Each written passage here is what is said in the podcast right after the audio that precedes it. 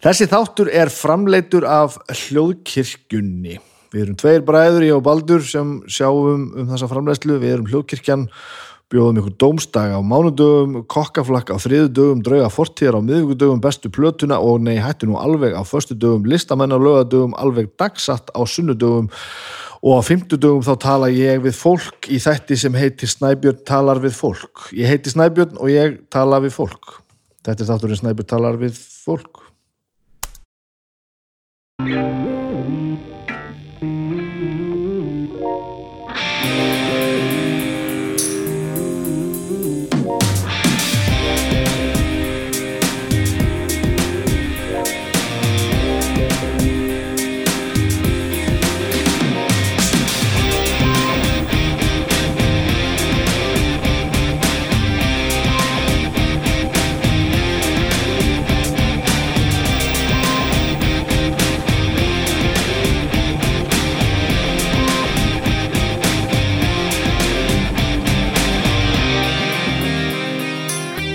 Já, það er tvent sem þarf að tala um þessa vikuna. Það er tvent. Annars verður það ammali dóttur mínar, 6 ára, 6 ára, 6 ára. Það er efalt ammali um helgina. Fyrst fekk hún alla vinkonum sínar eftir beintið til leikskóla á, á föstudaginn og svo kom fjölskyldu alls konar á lögadegi og svo á sunnudegi var svona eitthvað random.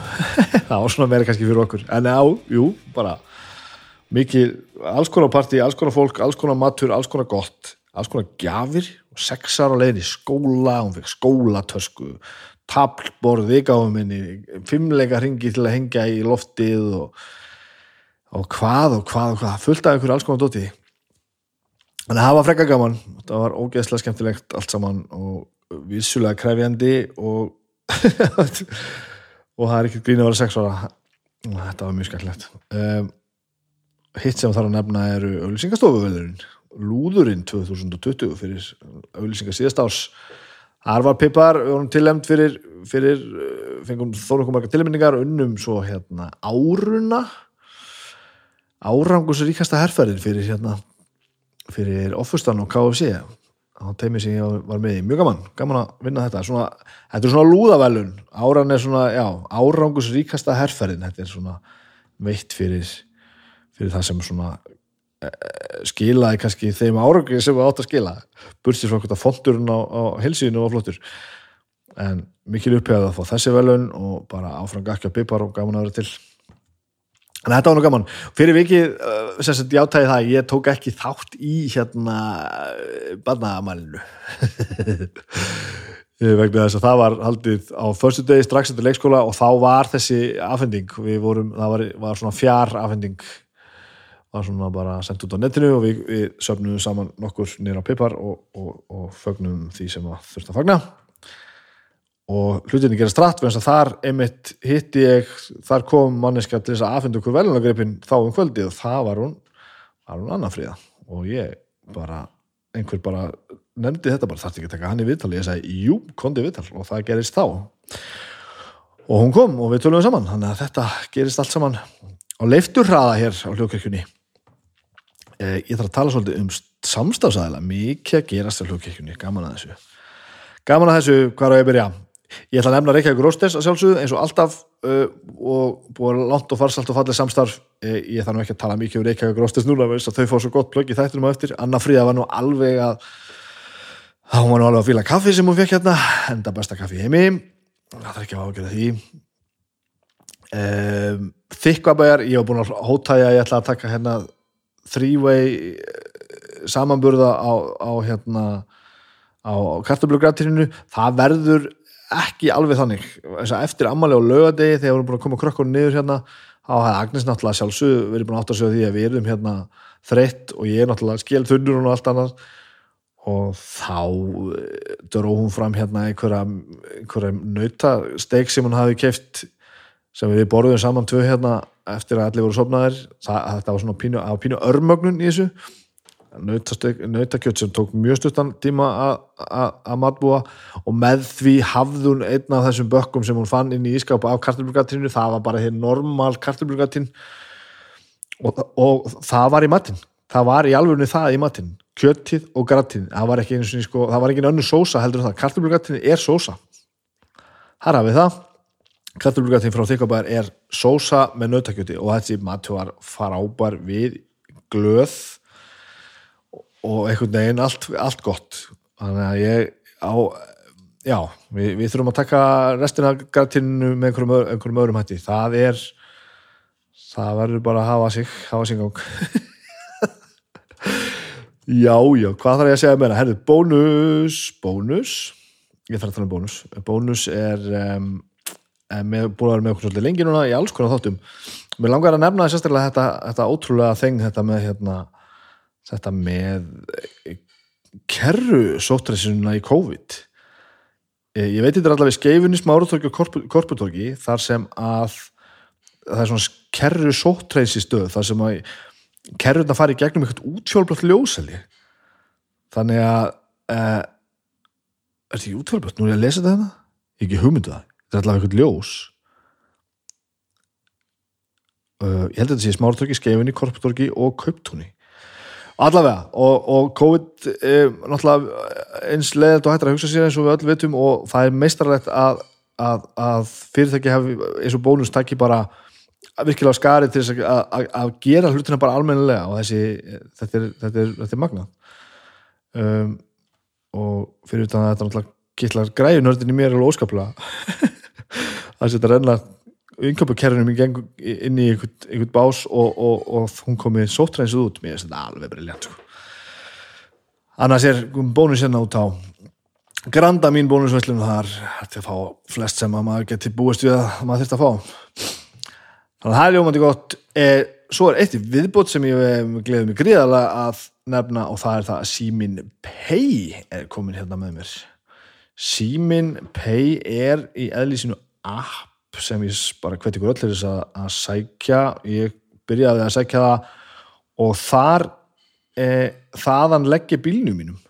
Það er e, þægilegasta um, leggja bíl viðmót sem að ég hef fundið ennþá í, í, í síma. Ég er nú mikið í ég er mjög, er mjög hrifin af uh, af, af öppum sem að einfalda með lífið sápartur í appinu heitir Stæði og ég skráði bílið minn og kreddkortið og það var that's it, þetta er alveg þetta er stórkostlega einfalt og, og gerir allt sem á að gera.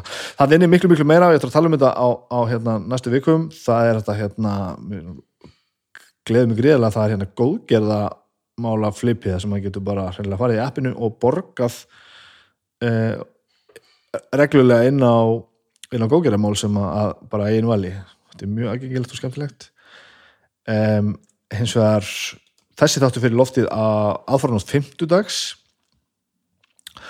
og það gleður maður getur sagt ykkur frá því að á hverju 50 degi eru tilbóð í appinu og núna þegar þið hlustuðu þetta uh, byrjar tilbóð hjá Vestlun Símans vefverslun Símans Símans þið- og þá farið þið semst inn í gegnum appið og, og kaupið hlutina þar og núna er á tilbóði 25% afslætti, afslætti Samsung Galaxy Buds. Og ég held þetta, ég held þetta ekki að allar, þetta er semst Buds Pro, Buds Live og Buds Plus. Ég á, sko, gömlu útgáðan ég held ég eigi Buds Plus ég var nú að leita því hvort það væri það, sko. Ég, ég er alveg búin að nota Samsung Buds frá því bara alltaf þetta er fyrsta skipti sem ég gætt notað uh, uh, headphonea sem fara inn í eirun á mér. Annars hef ég alltaf þurft að nota headphonea sem fara utan á eirun á mér af því að þetta dettur alltaf úr mig ég, er með- með svona, ég, ég er með litla hérna, svona ír, eirna kanala, hvað heitir þetta? Lítil er, þröng, eirnagöng og ég hef í alveg talað þegar allir voru með vasadisko þá átti ég ekki breyk. Ég þurfti alltaf að vera með hérna uh, bara venjulega headphonea. En Galaxy Buds eru stórkostlega tæki og hér sé ég að um, já, hægt er að kaupa Galaxy Buds Pro, ég er aðeins að horfa á þetta hérna sko. 25% afsláttur, þá sétt farið á hlaðið niður hérna appinu. Og þið kaupið þetta gegnum gegnum appið. Tilbúðslutan af appinu. Og þar getið valið að kaupa alls konar hluti og það er þetta að dreifa greiðslum og það er þetta að greiða með 14 dagar greiðslufresti og ég veit ekki hvað, hvað, hvað. Þetta app er kemur gríðalega stert inn hérna. Heiklaust segi ég það, ég áttur að nota þetta langmest fyrir að, hérna, að til þess að leggja bílnum alla daga endalaust. En allt hitt kemur stert inn ég áttur að tala mikið um þetta næstu vikum og, og hérna og áttur að nota þetta app til þess ítrastakurinn á mig. Nú er ég bara fykta í þessu, þetta er bara, bara gaman ég bara sjá hvað þetta getur gert. Þannig að Simin Pay komin hérna með mér í þetta sem er eh, glæsilega glæsilegt. Munið það að þegar við blöðum um, um þessa stórkoslu uh, samstafsæðila þá er það þeim að þakka að þið getur hlusta á okkur frýtt um, uh, þetta er mikil vinna og Baldur bróðum með sittur sveittur alla daga endalust og botlust við að koma þessu út, þetta eru átta þættir sem við sendum út í viku og svona er þetta hægt að þetta, þessi fallegu fyrirtæki sem að sjá eitthvað í þessu, séu með okkur í þessu þannig að kæra þakkir Reykjavík Rósters, Stikkabæðar, Bónus, Simin Pay. Glæsilegt, herru já, Anna Fríða. Ég ætla nú ekkert að kynna hann sérstaklega, hún er eh, hún er já, ég get svo sem kynna hann aðeins sérstaklega. Hún var svona spútning manneskja þegar hún var markastjóri á Dominos 20, ég hún að segja, það hefur sagt 24 ára. Eh, og í dag er hún held í 30 og hún er búin að gera ójæðslega margt og hefur mikið um markasmál og lífið bara að segja. Og, og það er gaman að tala við hana og gaman að hlusta hvað hann hefur að segja. Þannig að þið skulle gera það, hlusta á, á mig og hana. Þetta var mjög skemmtileg spjall hérna við eldsporið, njótiði vel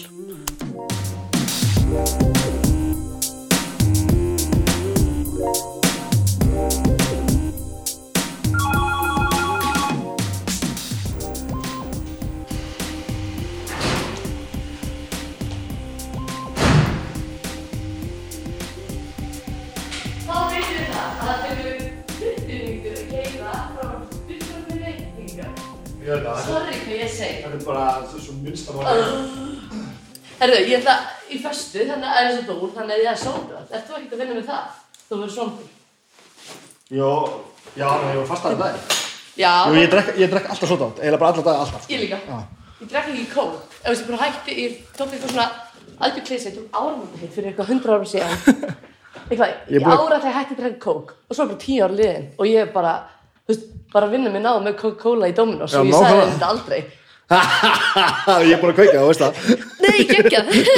Dræði þetta bara, þú bara hafið þess nálættir og þórir sko. yes, yes, yes, yes. á þess að þetta sé fyrir þér Nei, nákvæmlega. Hvað svo, tíu ár? Já, tíu ár, tíu ár kóklaus. Það er vel gert Já, þetta er uh, frekar ólíkt mér sko, að taka svona áramóta heit og standast við það og eitthvað svona, alls ekki sko, en svo bara hérna, ég veit ekki, svo bara, þú veist, byrjaði að hætti bara að kók, maður þurfti ekkit á Nei, að halda sko. ég gerði ekkert tíma sko, hætti að drekka kók sko, mm. nótabæri það er kók besti drekk, drikkur í heiminum sko. mm. það er bara þannig Hann er, uh, ég, og ég, þú veist, ég var þar, ég fór út í sjoppu til að með kókdós. þetta er bara ekki eðlilegt svo hætti ég einhvern tíma að drekka og ég er ekki mikil fíkil í eðlinu mm. Auðvitað með hætta að reykja alltaf og húst, alltaf, Alltaf, oft gert þetta, svo nú túra kannski reiki í mánuði eða eitthvað og svo ekkert bara ekki heim, sko, Vá. ekkert mál sko. Ok, og saman með kóki, ég var að drekka mikið kók drakk mjög mikið kók, kók þegar ég var úling- úlingur já, hætti að drekka kók í einhverja mánuði, sko, eða einhverja ári áfél mm. fyrsti sopin maður. Veit það. þetta er bara Já. eins og, eins og eitthvað sem þú átt að nota á verstaði, sko Ég veit þetta er svo öfgafull Þetta er rosalegt bara og þú veist, maður fælur svona, ah, shit, hvað er ég að drekka? En síðan, ef það heldur áfram, þá bara, mm, hvað já. er það? Ah, nú skil ég það, sko. auðvitað Já. og þetta er svolítið svona með allt það besta í lífinu sko. eina sem ég fokk að því ég segist ekki orðið mikill fíkil sko. eina sem ég fokk ekki er hérna Íslands nefntóbok í vöruna Já, ég, það er eina skipt sem ég hef þurft að hafa fyrir því að, hætti, hætti Já, og, nei, þú ert ekki í pókum, nei, nei, bara sprauta og beintin í hausinum sko. Já. bara ómikið Já, ég var hérna- að vinna með einum sem sko tók alltaf tópakið og heldi því svona hálfgert upp í sig. það er Það er sko grjótart. full- fullorðin fullorðin maður eða, Já, já, strákur Já, strákur bara, eða, yngri maður eða. ég meina, ef ég er stelpa þá er hann Já, strákur. Þannig að hann, já, en hann er strákumadur. að því ég var að vinna með einum gömlum Já. sem núna er dáin sko. Og hann opnaði bara dósina Já. og hann fekk sér bara svona bitur bara svona, Já, hann held ekki einu sinni, hann bara svona uh, sick nei, þessi er sko, þessi er fimm árum eldri en ég, þannig að hann er bara Já, já, vel en, gert. en það fylgir söguna, hann er á landsbyrni sko, þannig að það, það, það, það, er nú, þannig að það- það fylgir söguna sko. En það var að sama með það, maður hætti að taka í vörun einhvern tíma mm. fyrsta slumman sko, Já. þá hugsaðum maður bara hvað er maður að gera sjálfum sér þú veist, þetta er bara áhrifin eru bara já, já, og svo bara næsta skipti, ég þetta gott. Og svo bara hm, svo liða Ég- já. tíu ára eða eitthvað. Einmitt. Það er einmitt akkurat málið sko, ég, ég hef aldrei, þú veist ekki verið að nefna eitthvað á djamminu. Og ég verð algjör chicken sko. ég bara, já, og, og, ég tek ekki nikotín, ég tek hana litlu pókana eða hef Já. tekið og hana og, og það er bara svona 30 sekundur og það bara, í, ok, nei, þetta er ekki fyrir mig. Nei, nei. En, en líka maður þú veist, á maður eitthvað að hissa Nei, bara, einmitt. bara að fokka í sjálfum sér algjörlega sko. það er galið sko það er alveg bilað Já. en þetta með íslenska nefntabóki er samt eitthvað nú túru við þess mikið með veist, finnum og svíum sem taka Mhm. viðstöðulust í vöruna þú veist er finnar ekki svolítið sjúkir í þetta íslenska þú veist, þessi vonda lykt hlýtur að Já, tala við. þeir fíla það sko, finnst þið það En, þessi, þessi, þetta fólk sem er búið að taka í vöruna í sko, mörg, mörg, mörg ár Já. og prófa svo þetta íslenska og það er bara. Þannig að við erum ekki með neitt eðlegt stöff í höndrum sko. Nei, og það er líka, var ekki eitthvað þannig að það er, var ekki innihaldslýsing í einhvern tíma þú Já, hún, náttúrulega er ekki til held ég Nei, við- ég held að viti enginn hvað þetta er sko. Nei, Þetta er alveg þetta er einhver mold Ja, þetta er og alveg hella, sko. svo skýtur og eitthvað sorry Og bara hvað koma þessi áhrif sko? bara hvað er gert við þetta sko? en svo er það líka sko, viltu vita það þú Ég vildi það allavega ekki þegar ég var notið það nei mér var al, og mér var bara alveg sama sko. já. En ég hef aldrei verið svona háður neinu sko, eins og þessu en betur hvað það er galið að bara svona, þú veist, fá einhverja dollu Mm. af einhverju Mhm. og vera háðurinni það er bilað sko. og þetta fara að sko, ég, svo er ég svo þrjósku líka sko, mm. að, að það stjórna lífum mann sko. Já. og þá er ég svo pyrrað þannig að þegar ég fann sko, bæði þetta með húst, reykingarnar og, og, og nefntúbakið já, að þegar ég finn að, veist, ef, ef ég átti ekki óopnaða dó sko, já, þó ég væri bara nýbyrjar á, á einni já þá var ég ekki rónni sko. og þá er þetta bara að fara að lita allar dagana enda sko. og þá fann maður bara svona nei, come on sko. Já. Og alveg bursið frá sko, he- heilsu farið á þjóðlu sem er náttúrulega risastór partur af þessu líka já, um þess að vera nokkuð stór partur sko. En svona day to day basis er eiginlega enn stærra að bara þetta litar allt sem þú gerir maður er bara, hm, á ég ekki nóg veist, og þetta er bara svona að fara að smitast inn í allar hugsanir í öllu sem þú gerir sko. og það aftur þá nokkuð svona fullar dollur hér og þar svona, varst búin að kaupa tilbúin keftu bara nóg í einu sko. já, þú meinar. En ég var ekki að stassa þetta svona, svona að reyna að halda kúlum sko. en sko, það sem hann umrættur maður sem ég var að vinna með hann, hann, hann var alltaf með þetta í hann hotninu mm. sem er skrýtnasta hönnun sem ég hef á æfi minni séð. Já, hún er svona, ég veit ekki og ef hönnun á kalla svo sem, eða þú veist, ég Þetta er náttúrulega bara eftir öpun á Já. bændunni voru náttúrulega bara veist, tóku náttúrulega bara sauða hotnin og, og, bara þú veist, græ, græju þau eitthvað, tóku innan úr þeim og settu svo bara tappa í sko. þetta áttir úrlega einhvern veginn örlítið að líka eftir því sko, sem þetta gerir ekki. Nei, ekki. Grá plastklessa ég elska sko, þetta er ábyggilega í fyrsta skipti sem ég tala svona mikið um myndtópak ég er mjög annað að sjá akkurat hérna eins og ég sé. Bara- og líka bara svona, byrjum á þessu, komum þessu já, frá. hann bara líka svona gleda mándag, hvað segir hérna, ég, ég, ég frekar að venjulega er ég ekki með neitt plan sko. nei, þetta er vatn, Er- ertu bara í sótavatninu nei, að fasta sko. þetta er kaffi? Já, allir mínu uppáhaldstrykkir þetta er rótstert kaffi og ef þetta er ofstert þá er vatn hérna til þess að hafa minnastert já, það er sko rótstært kaffi þar, þar hefur mig. Já, bara, þetta er þannig að ég skal hérna taka, er ekki svona, svona ASMR svona þegar maður hellir. Og kemur svona ding, ding, ding. það er til heilu YouTube síðunar sem eru með ykkur svona. Að hvað? Nei, hættu nú alveg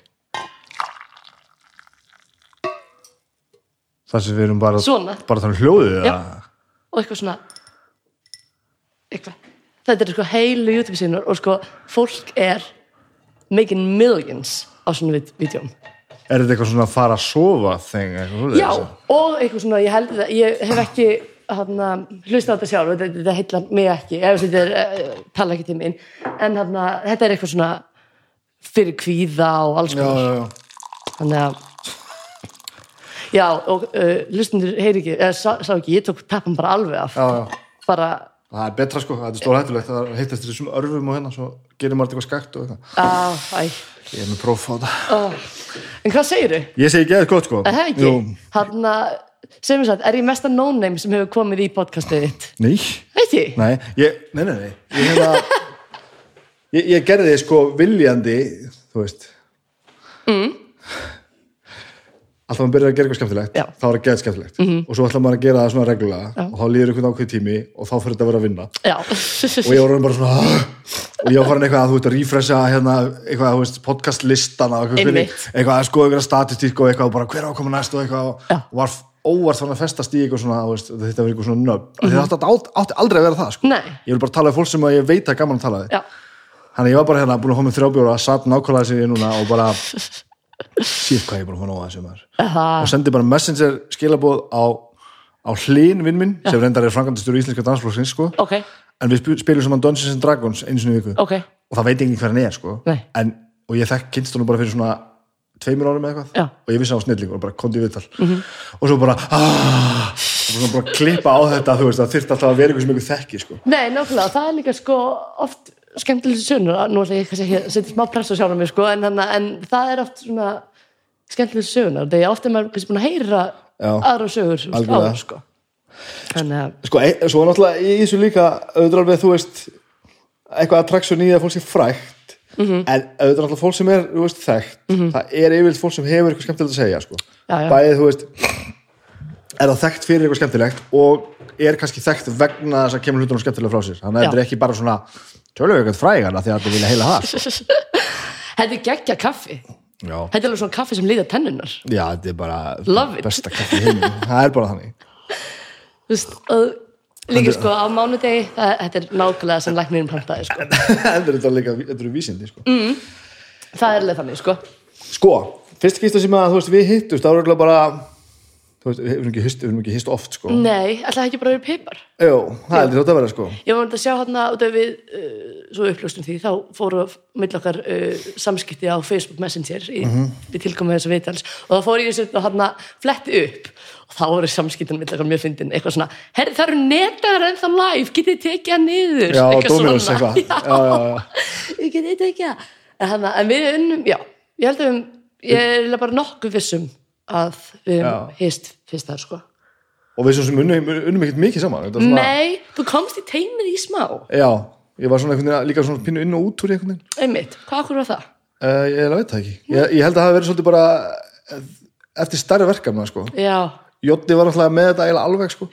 já, einmitt og, og ég held að með minni það ég hef bara svona komið að þessu þegar að hann var bara flottet sko. Já. eða eitthvað, hvort þú voru hann að skipta sig eitthvað á milli eða hvernig það var Já, ég man ég man bara eftir þannig að já, uh, komst inn og út og ég man þegar ég hitti fyrst þá var ég bara, wow, ok ég, hvernig ætli hann sé? Svo varstu bara mest likeable gæi.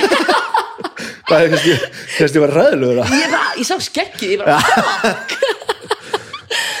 og svo bara mest likeable gæin. Það ég bara, nú, geggjað. I love it. þessi hérna þessi, þessi miskilda þungarás mýta allir sem, sem spila á hlustu Akkurat. þungarás séu, séu slæmt fólk eða þú veist svona sko, óárennilegt fólk Já, einmitt, ég held að verið sko neikvæður opáslega svona þungur og, og þannig neyninni, lögléttur að, þetta, loði mjög mikið við hennar kultur sem ég kem frá sko. Er það ekki? Já, allir ógeðslega einhvern veginn svona frekar að segja já heldur en nei sko. Já, einmitt það er mikið þannig sko.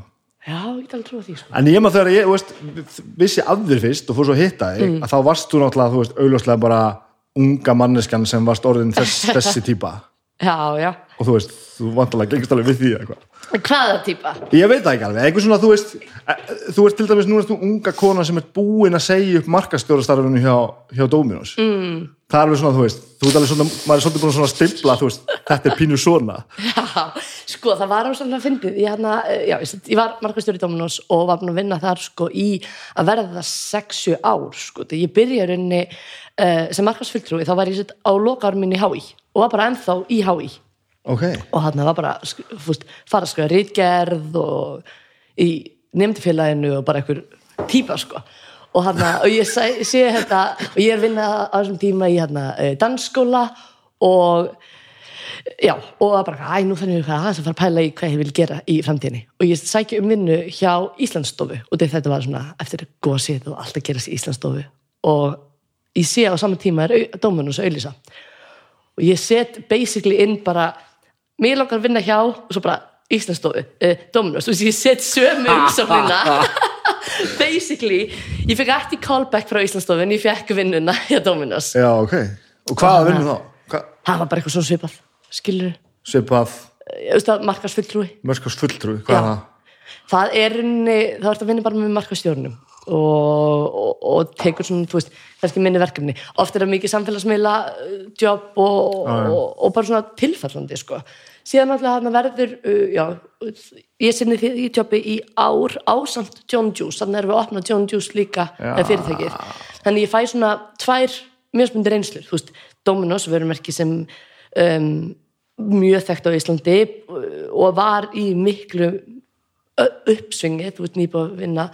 Ég held ég hef búin að vera á vinna í hvað tvo mánu þá vann fyrirtæki, markarsfyrirtæki ásins og ég bara, þetta er geggjað á síðið mitt maður, yes. Snild, snilda tímasetning. Og hann að þá ég hafa svonlega neitt komið að því, því sko.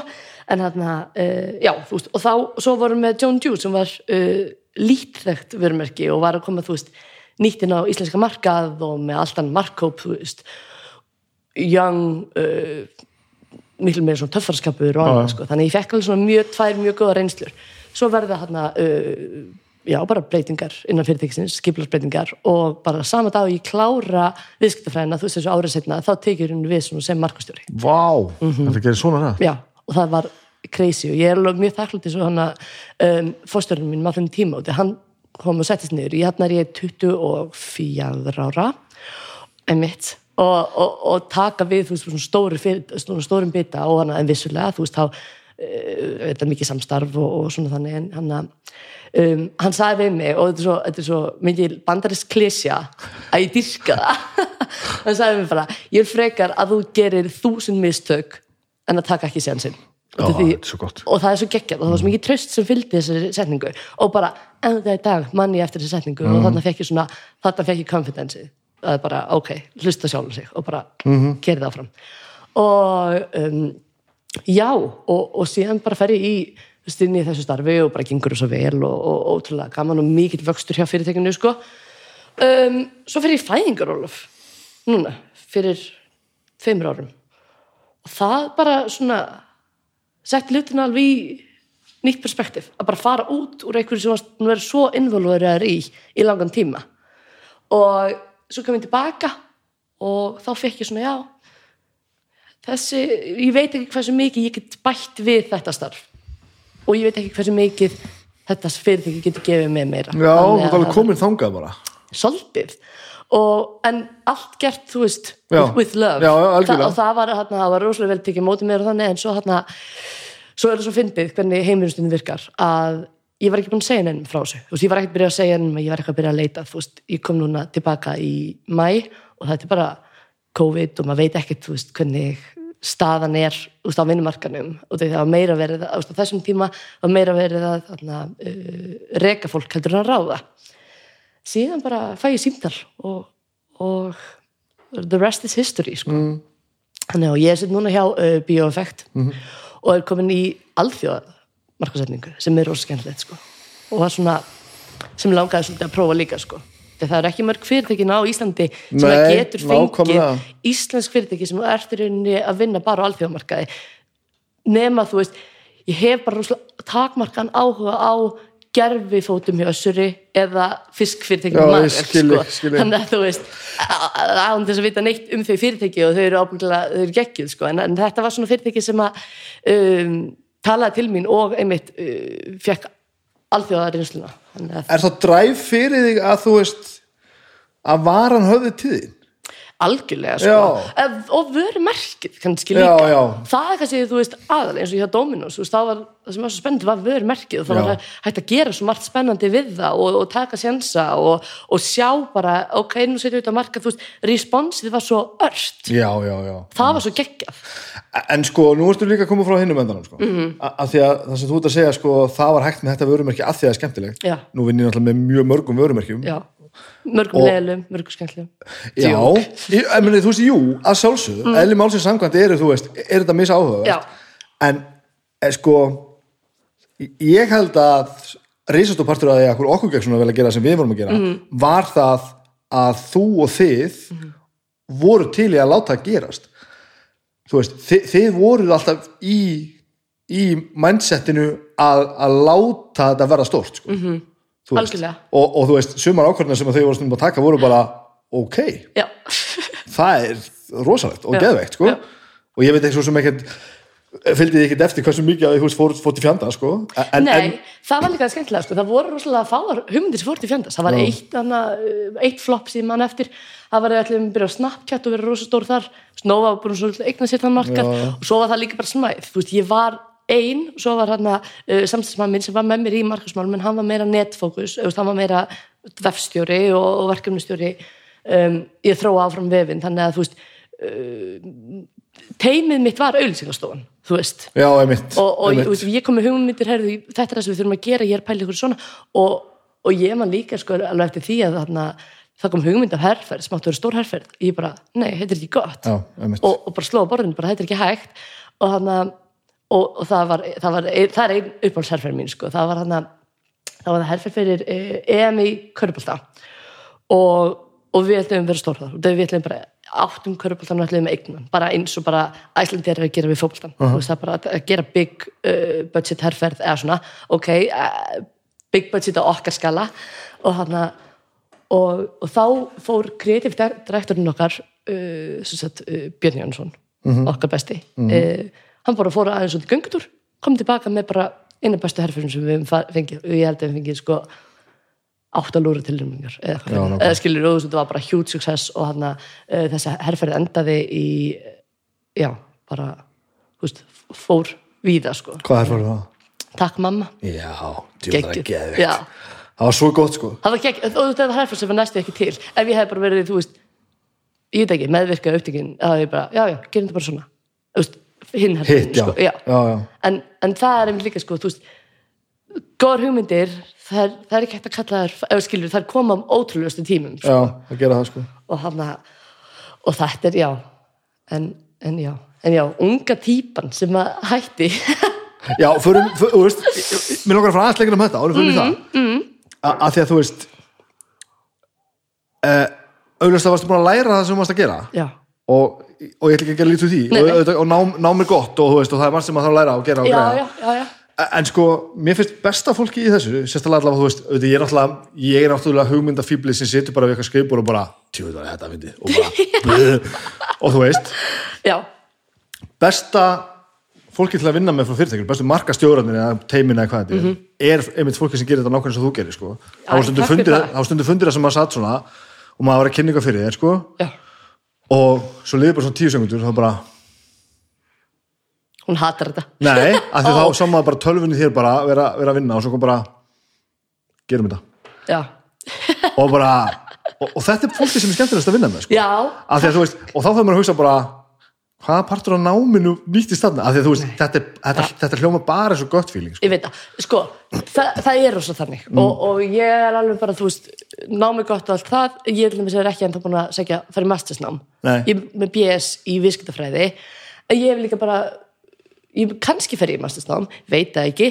En eins og staðan er núna þá er ég búin að læra svo miklu meira af starfsreynslu heldur en það sem ég gerir náminu. Já, en það er ekki það með sagt þú veist, kannski er eitthvað undirleikindi þú veist, kannski eru hérna eitthvað eh, eitthvað sem ég lærði í náminu sem ég er ómeðvitað að nota og, og alveg pottið, dagstæðlega já, sko einmitt. en þarna, en ég man það þegar ég með lappaði inn í Dominos þú veist, ég var bara einmitt, ég lappaði inn sem- það var fyrir markastjóri farin og ég lappaði inn og ég tók nokkrar og ég er svo loðalegt, ég trú ekki sem segi það, já ég tók svona tvær glærur með og ég var bara, herri, þetta er þessi píramíti sem við lærðum minni í, í náminu hvar er dómin og statinn á þessum Já, þarfa já, já. píramíta Einmitt, Eða eitthvað. einmitt. og, og það var hort af mig bara, hvað er þetta að tala? Já, já, þú veist, í því að já, hvað- veist, þetta er ekki nota dagstaglega í uh, starf, í starfi, sko.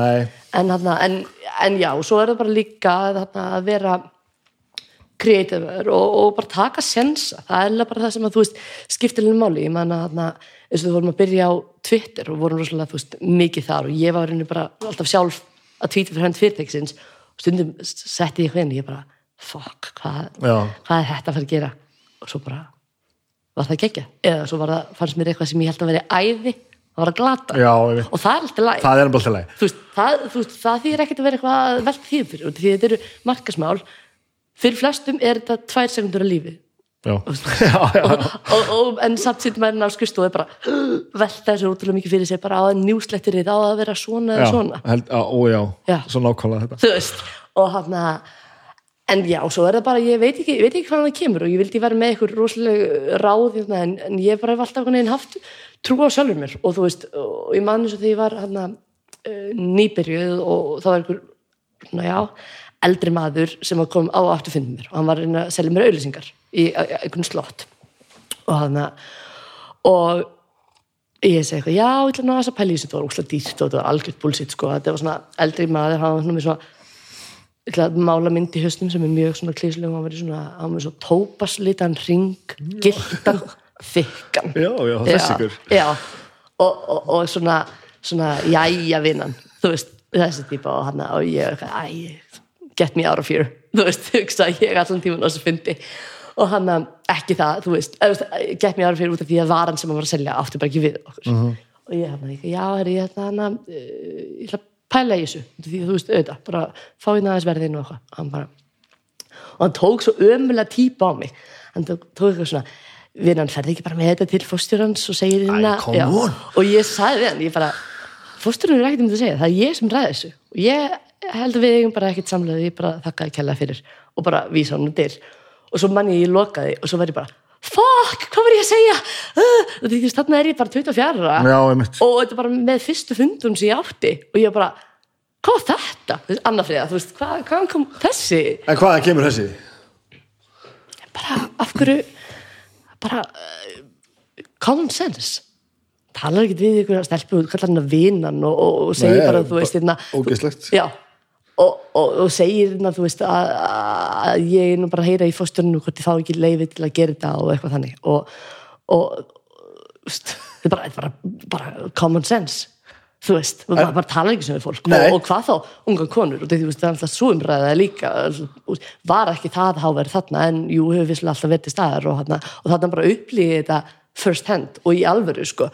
Og, þarna, og, og vissulega það var svona smá hræðsla, eða ekki hræðsla en það var svolítið svona fuck moment bara sagði þetta. Og svo fór ég að tala við fósturinn líka, herrið, hann sagði þetta þeir uh, þekktust eitthvað hans og hann var bara, gott hjá þér. Já, frábært. Og þá fekk ég svona, já, ok hjúf. og því að þú veist, í öðrum geirum eða aðrar fórstörar aðrar circumstances, það hefði ég kannski í mega vesinni, þú veist, Já. ég veit það ekki. Það sem maður heyrir svo galna hluti já, þetta er, þetta er fáralur heimur sko. ég veit það, þetta er alveg galið sko. en ég hugsaði bara ok, og hann baðast alveg afskonar, þú veist þessi maður bara ok, ok, já, ok. en, og það endaði náttúrulega ágætlega, sko, þú veist, þetta, ég bara, veist, þetta, þetta gengur ekki, hann bara, að, ok, eitthvað svona sá að sér, sko, en ég held líka bara að hann hafi þetta er kannski líka svari sem að hann hefur kannski ekki hýrt áður, eða þurft að heyra þú veist, sem var bara, herri, stopp nei, nákvæmlega en ég veit það ekki, en þetta er einu af fyrst skipti sem ég hef upplifað eitthvað svona, sko, það er alveg mörg á síðan, sko, alveg? Já. já, ok sem ég man eftir, sko uh, svona vinnan og, og eitthvað svona Já. ég hann að það er mér sko þetta moment sem svona satt alltaf í mér, sko, ég hann að ég man ekki ég held við séum að leiðan á betri stað sko. þetta er Mm. allt aðeins að drullast algjörlega, sko en við meðum ekki, ekki halda að þetta sé að vera komið sko. nei, nei, nei, nei, og þetta verður maður fær, stundu þar sögur sko, bara, já, þetta er nú, það er nú bara þetta er nú bara, orðið, nokkuð gott bara, nei, Nei. þetta er bara ekki orðið nokkuð Nei. gott sko. Og það bara- þarf bara að laga þetta í alvörunni. Já, og bara þú veist, hvar er konufórstjórun í skráðu fyrirtæki? Takk, Já, veist, það er engin og, og þá, og, veist, nú erum komin í aðeins stærri umræðin en, en hann e, algjörlega sammála sko. Og, og já, en ég hef aldrei pælt einhvern veginn ég hef aldrei sett eitthvað fyrir mér að ég sé yngri en aðrir eða og ég var heppin úst, í, í því starfi sem ég vann hann, já, ég vann eða langmest með kallmennum það var aldrei einin áhrif á mig sko. mm. það, var, úst, það var miklu meiri bara vináta og fjölskylda og samstarf sko. þannig að það hefur aldrei veginn, ekki, hafði mér ekki hjá Dominus eða, eða stundtíman þessi, þessi tvö ára eitthvað sem ég var hjá Joe og þetta var alltaf bara sama krú mm -hmm. sko. en ég veit ég er mjög meðut um það að það, ég var það er einstami skilur, þetta, ég er ekki lítið úr the problem sem er sko. Nei, einmitt. Veist, þetta er bara sko, hérna þetta með hvað varstu gömul þú byrjaði sem makstöði 24, já, vel það sko ég var bara ekki eins og 25 og þetta var svo kannski bara auðvitað í lífinu en ekki eins og ég er ekki eins og stúdent sko. Veist, en börsið svo öllu öðru ég var bara ekkert með höfuð á þessu stað sko. ekki heldur. Í þeim jafnverðinni, það er bara ég er búin að vinna hann í ár uh, sem markarsvildrú og bara með náminu og þannig. Og ég skrifaði þú veist BS-virkinu minna um uh, John Juice og svona þannig ég var svona aðeins komin inn í uh, hlutina sko. Og hann um, síðan bara þú veist, gerðust hlutinir sko, og, og það var bara ákveðið í staðin fyrir að ráða inn í markastjóra ég er runni bara og, og samlega þú veist mann mínu myndum taka saman þessu verkefni og svo bara breytist staða hans, hann var meira inn í digitalmálun og ég meira hinn. En það er skemmtilega sko líka við að að, að vera í svona fámennu fámennu stöðu. Að ég var, veist, ég var inn í vörðróninni ég var uh, inn í þjónustumálunum og, svo, svo fór ég og tók sæti í framkvæmdastjórn og þá fekk maður svona aðeins meiri insight í businessin. Þannig þú veist það var einn það sem að ástæðan okkur ég hana, var hvort og hvort svona lengi veist hann í sig, hérna Dominus ég var að fá svo ótrúlega viðtaka reynslu af hann að businessum og það kom alveg tækifæri og bóðum að fara annað sko en, en það var ekkert í myndinni eða hjá mér. Já, ok, já, já. þegar ég var bara með topp lítir sem var ennþá að vaksa og vaksa og vaksa þú veist í um, 100% vitund hjá markanum og, og, og, og var alltaf að slá nýjón í sölum með já, og, já. og, og bara para með þetta er bara crazy sko. og hann og svo veist, vorum við til henni sem markasfyrirtæki ársins já. sem var líka bara þú veist þegar ég sá, þú veist þarna vann Arjónbanki það árið sko. Og það segi bara 30 mann markastild og ég bara, wow, þú veist shit, skilur við hann að Ég man eftir að eina sem þú veist eina sem ég man eftir að þú veist að mér fannst ég vil ekki að segja pyrrandið að vinna með mm -hmm. en svona hérna, en svona hérna erfi, erfitt kannski mm -hmm. þú mhm. varst svolítið ómissandi Já. ef maður náðu ekki saman við þig mm -hmm. þá mhm. var það eiginlegin annar sko Já. að því þú hafði sett sko alla statusin á Facebook og Twitter Já. og þú varst með hugmyndir af þessu og þú varst að gera þetta varst ekki, þú veist, varst ekki bara nei, nei. Bara bara neyður þig, þú veist. Ertu... eiginlega ekki sko. Nei, nei. Ég, hana, uh, og lengi vel, þá sá ég umsett ég að samstarfsalla mínum, þá sáum við um að svara allum kvörtunum á Facebook. Þannig að bara þú veist, þú fegst ekki pepperoni í því. Þá var ég, ég bara hérna ég man að blettur þessu, þú varst bara einhvern veginn í öll allstar. Já, það var pínu galið sko, ég held að hafi, þetta var þetta hafiði verið svona áður, svo bara var svo örvöxtur að þú veist, það var mistið yfir sín skilur, þú veist, það var bara gá, gá, gá, gá og þannig er ég náttúrulega líka enda bara ballaus og þannig að og það breytir líka alveg rosa miklu sko og hann að það var einmitt uh, mjög góð saga þegar ég var eins og í bíói og, og hann að ég, já, já, ég get nú alveg að fara í bíó og fjandina að klukkutími og hlið og klukkutími aftur. Hann að hann að uh, ég fyrir bíó og uh, sagt, 20 myndur inn í myndina þá bara byrja símin að výbra og ég eitthvað, hvað, hvað er þetta? Eitthvað hérna, kiki og ég veit að það er eitthvað, eitthvað pínu að gerist inn á Facebook ok, hvað er að ég er eitthvað aðeins að sjá þetta og ég er inn að þú veist í bíosalnum bara eitthvað svona, hvað er hinn að freyta þessi típa. Já, ég veit, alveg ótalandi sko. Og, og vinkum minn bara, mmm, kannar með þér? Þú veist, skilur bara, saknaði líka.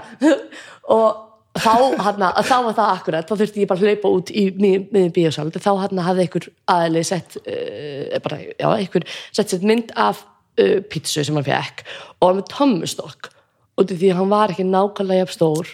Ja, og það átt að vera. Og bara fair point og bara, þú veist Mhm. og þetta var komið upp í einhver 200 like og sko við erum að tala um bara introða bíómyndinu var nýp komið skilu, þú veist, þetta var bara það fór að flug svona. Og, og ég er eitthvað svona að sjá þetta og ég fæ simtal frá vísi. Og þannig er ég bara, þú veist, ég alveg bakka bara inn í, bí- þú veist, popvílinni allt mjög komist og hann er bara eitthvað, hefði hérna blamað frá vísi getur þú talað við mig hérna um stóra Facebook-málið? Þannig er ég ekki búin að sjá þetta. Þetta er búin, búin að gera svo rætt ég eitthvað, herði, ég þarf bara að ringi þið eftir fimm minnur því ég held að væri bara ég veit það ekki, eitthvað leðublaka í pítsunum Já, veist, fingur á ég, það fór ég með hausin á mig, sko, ég bara, fuck, fuck, fuck hvað númer hjá Andris Jóns, þetta pýjar aðstóð döðan sig, ég var bara komin eina og hann og þá, uh, þá var það bara eitthvað svona. Og, en, en vissulega það fór, þú veist ég, ég hef ekki ennþá séð myndina, sko. Ég misti bara af henni. En þú veist, ég Já, var bara í, já, já, en, en ég, hann frétti líka hún hafi ekki verið það góð þú verður svolítið að taka neitt tíma alveg bara, bara svona sér moment að fara að horfa þessa mynd ég sagði náttúrulega við dómin og sé bara, heyrði, þið skuldum nýjan bíómið að skilur, þú veist bara en svo var þetta sko, ég man eftir þessu líka að, að svona mál voru alltaf tæklu mjög svona straight forward, sko. og það var líka bara partur af hverju þjónustu og, það, veist, og ég verið ekkert fyrir mér að, að bara sjálfsög ekki. Veist, ég er hérna að vinna fyrir fyrirtæki og mér tristir ákveðinu stöðu og það er, veist, meðal hans að ver- að verja ímynd fyrirtækisins og, og svona þjónustigi og þetta bara kom mér 100% við eða skilur þú veist, þannig ég bara auðvitað fór að svara því og auðvitað bara hafði samband við aðlan og svaraði sem fjölmjölum og eitthvað svona. Um, vegna þess að þetta er bara, þetta er starfið mitt og, og ég, þú veist, þegar ég tek að mér einhver verkefni þú veist, þá skiptir það mér bara máli að það gangi vel. Þú veist, það, mér er ekki sama. Þú veist, af, af hverju ætti ég að vera að vinna hjá fyrirtæki en mér var bara alveg saman um það? Og ég myndi bara æja, ég er í bíói. Þú veist, það er bara þannig, þannig virka ég ekki sko. Ég bara hana og, og svo líka bara búin að man- e- við vönum ekki að byggja þetta upp sem, þú veist, vissulega tók ég við alveg ótrúlega góðu búi, ekki miskilega, þú veist, það er alveg alveg á hreinu, en, hana, en það er líka bara, þú veist, ákveðið challenge að þegar þú ert að uppleiða að halda áfram upp og bara setja, reysa barinn herra og herra og hlaupa. En hann en já, þetta er, þú veist, bara skiptir, þetta bara skiptir máli út því við erum Ísland og ef að þjónustu fyrirtæki ætlar ekki að veita framhúskandi þjónustu þá er það ekki neitt En það var stór partur á, ég fannst mér hvernig það var að takla hjá, hjá þér og ykkur á þessum tíma sko, var líka það að þeir voru ekkert að þykjast þeirra fullkomin sko. Nei, það þegar eitthvað sem mistökin gerast Já. þá bara gerast þau það eru rosalega margir sem eru ekki að óna það sko. Algjörlega. ætla fram í lengstu fokking lög Já.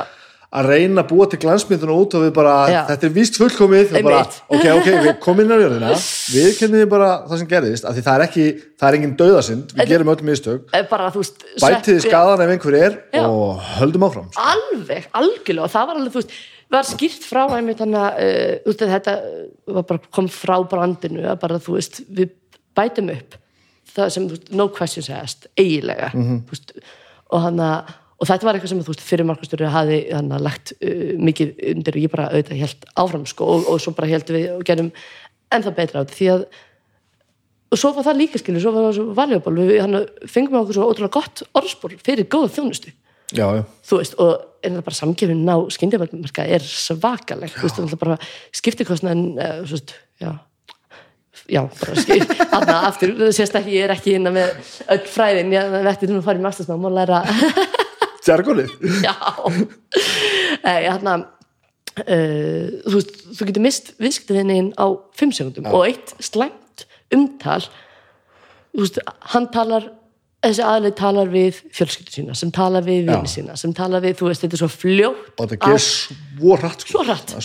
Sko. og, og þetta skiptir öllu máli fyrir fyrirtæki og, hana, og, og ég er algjör sökkur fyrir góður þjónustu. Já, líka, líka bara sko, líka sem viðskiptavinnur sko ég líka, bara, ég, alveg alla leiðina og ég bara, ég dyrka að fá góða þjónustu. Og ég læt fyrirtæki alveg vita, bara herðu það var geggjaður hérna í þjónustöðurinu djöfullir í saman Já. þær, alveg bara og með allt sem bara, bara þjónar sko, ég, ég læt Já. vita af þjónum sem að eru góðir sko. já, ég líka. Það er svo dásamlegt þegar þjónnin í alvörinni nennir að vera með manni sko. án tjóks og ég sko og því ég fra- fer svolítið mikið út að borða mér svolítið gaman. Og ég er er þjóknaði veitingastað sem ég er bara að segja hæfið. Já, Og er svo, og pældi hvað þetta er mikið asset fyrir veitingastæð ég veit það. Og pældi hvað þú veist, litli hlutir bara að segja þú veist einhver litla setningu eða bara hvernig hefur það í dag eða eitthvað svona, þú veist nákvæmlega. skiptir miklu máli og það er einmitt máli þetta er oftast ekki neinn geimvísindi mm. þú veist og, og ég einmitt einna bara góð þjónusta og þetta, er, er algjör jargon og allir auðvitað vilja veita góða þjónustu en það eru alls ekkert allir sem gera það. Nei, svo sko. en það sem þú ert að segja núna að við erum að spyrja þarna einhvern tímann áðan þetta með þetta sko, hvort það skiptir í máli að- vera með passjón fyrir því sem þú ert að vinna sko. eh, ég, ég svolítið líka að einhvern veginn held ég að- finna það saman við þér eins og ég- eins og ég er hérna til einhver mér að þú veist maður getur alltaf fundið sinn flöt á verkefninu sem þú vinna. Þú veist, auðvitað sumt henda manni betur en annað eðlilega, eins og ég til dæmis finnir svo í þessu það eru, eru hérna samstagsæðala með, með þessu hláðarstótti sem við gera.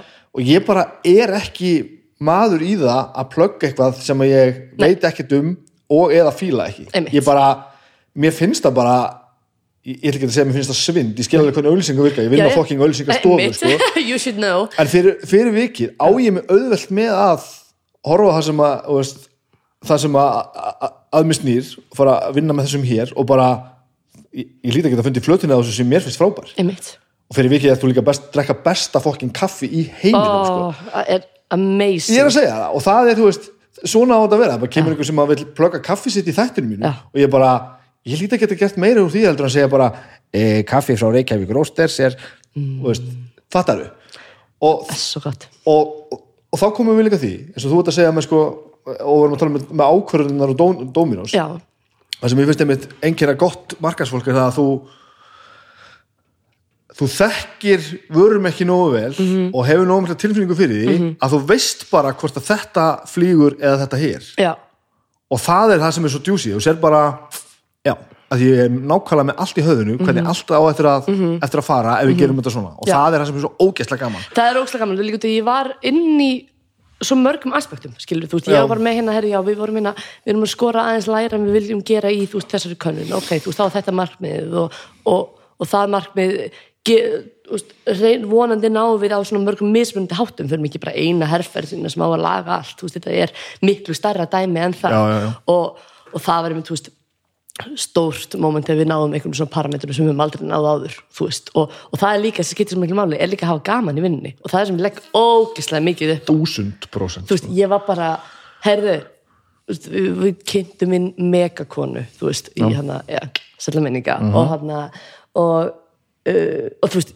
ég var bara, herðu, þú- ég var líka inni sitt í innri markasetningu þannig að þú veist, það var bara senda kauka á alla, alla búðunar, sendum inn á svona bóli, þú veist, góð markasherferð hefst í rauninni inn í fyrirtækinu og svo út af því, við getum ekki verið hérna að blasta ykkur inn út af markaðin sem síðan bara einhver viðskipt, nei, sem einhver starfsmæður bara sér á billboard og frettir að því þannig nú ok, erum við að gera þetta veist, Hvort heldur þú ásett núna að kera á innsæinu eða þú veist skóluninni á þessu blanda báðu ábyggilega. þetta sem þú ert að segja núna Já. er eitthvað svona, svona fundamental thing sko. Já. En mér virðist alltaf vera eins og það séu bara sumir sem fatta þetta Mm.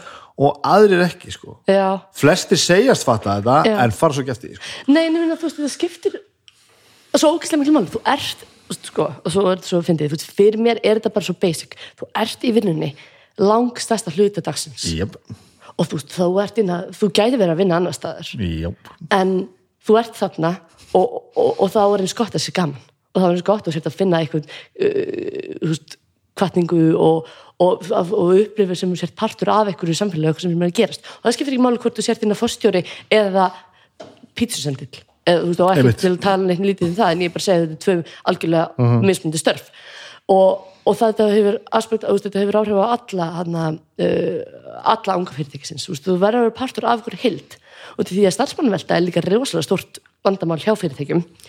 Og já, eins og ég segi, þú veist, það bara og, og, og, þetta á við öll vörumerki, þetta á ekki bara við Dominos, þetta er líka alveg við Biofect og við hérna, Já. leggjum líka upp úr þessu þar, þú veist, og hann að, að, að reyna að bara, hér, nú er þessi eina herfyrir fyrir loftið og þetta er það sem við erum að gera og við erum hérna með andlitsmaska á tilbúði og allir setja myndina sér með þessum andlitsmaska og það er svona svo, svona svo lítið marglitt á andlitinu, sko, þetta er mjög fyndið og, og, og þetta er bara, þetta skiptir öllum álum því ég mynd, eins og segi, þetta er af hverju ætti að vera leið ok, ég áttum að því að vinnur eru misskemmtilegar, vissulega en þú ert að verja stæðsta hluti í vinnu, hvernig ætlar að gera Já, og auðvitað er vinnan misaðalagandi og, og það sitt hendar hverjum og svo leiðis en, en sko ég held að sé rosalega oft hægt að finna Mhm. leiðina til þess að finna þetta áhugavert og gaman sko. í alveg, þú veist að þú stjórnar því 90% sjálfur hvort, að, hvort, hvort að þú ert að gera þetta eins og þú fílar það Mhm. eða ekki.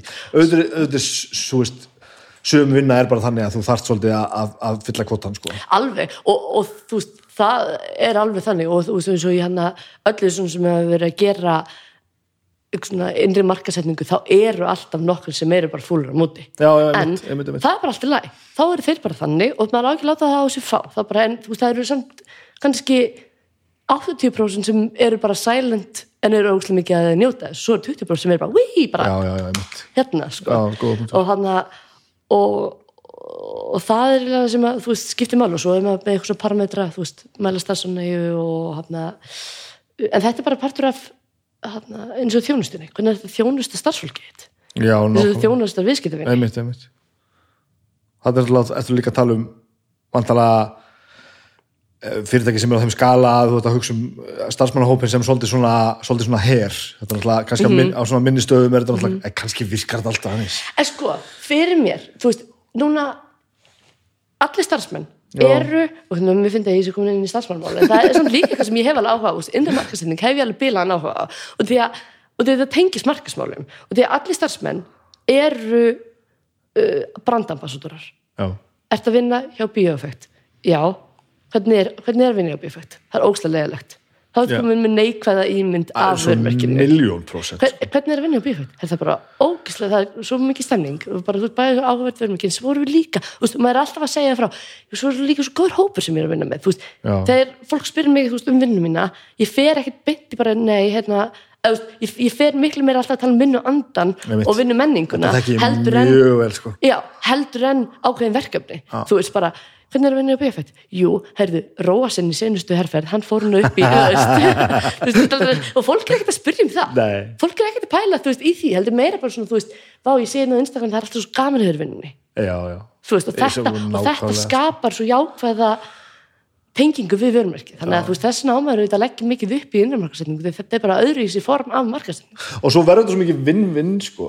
Já. þú veist, svo ég er mjög ánæður í vinnunum minni og búin að vera í öll þessi ásku ég er Já. búin að, að vinna hann í eitthvað, 208 ár shit sko þetta er ég held sér nýjunda árinu sko já, og, og ég er út um allt að halda einhverja fyrirlestra og gera einhvern anskotan og með einhver hlaðvörp og eitthvað dót sko. Mhm. Já. og þú veist, auðvitað smitast þetta alltaf, yfir í það að ég er alltaf að tala vel um vin- vinnunum minna að því að mér finnst það frábært sko. Mhm.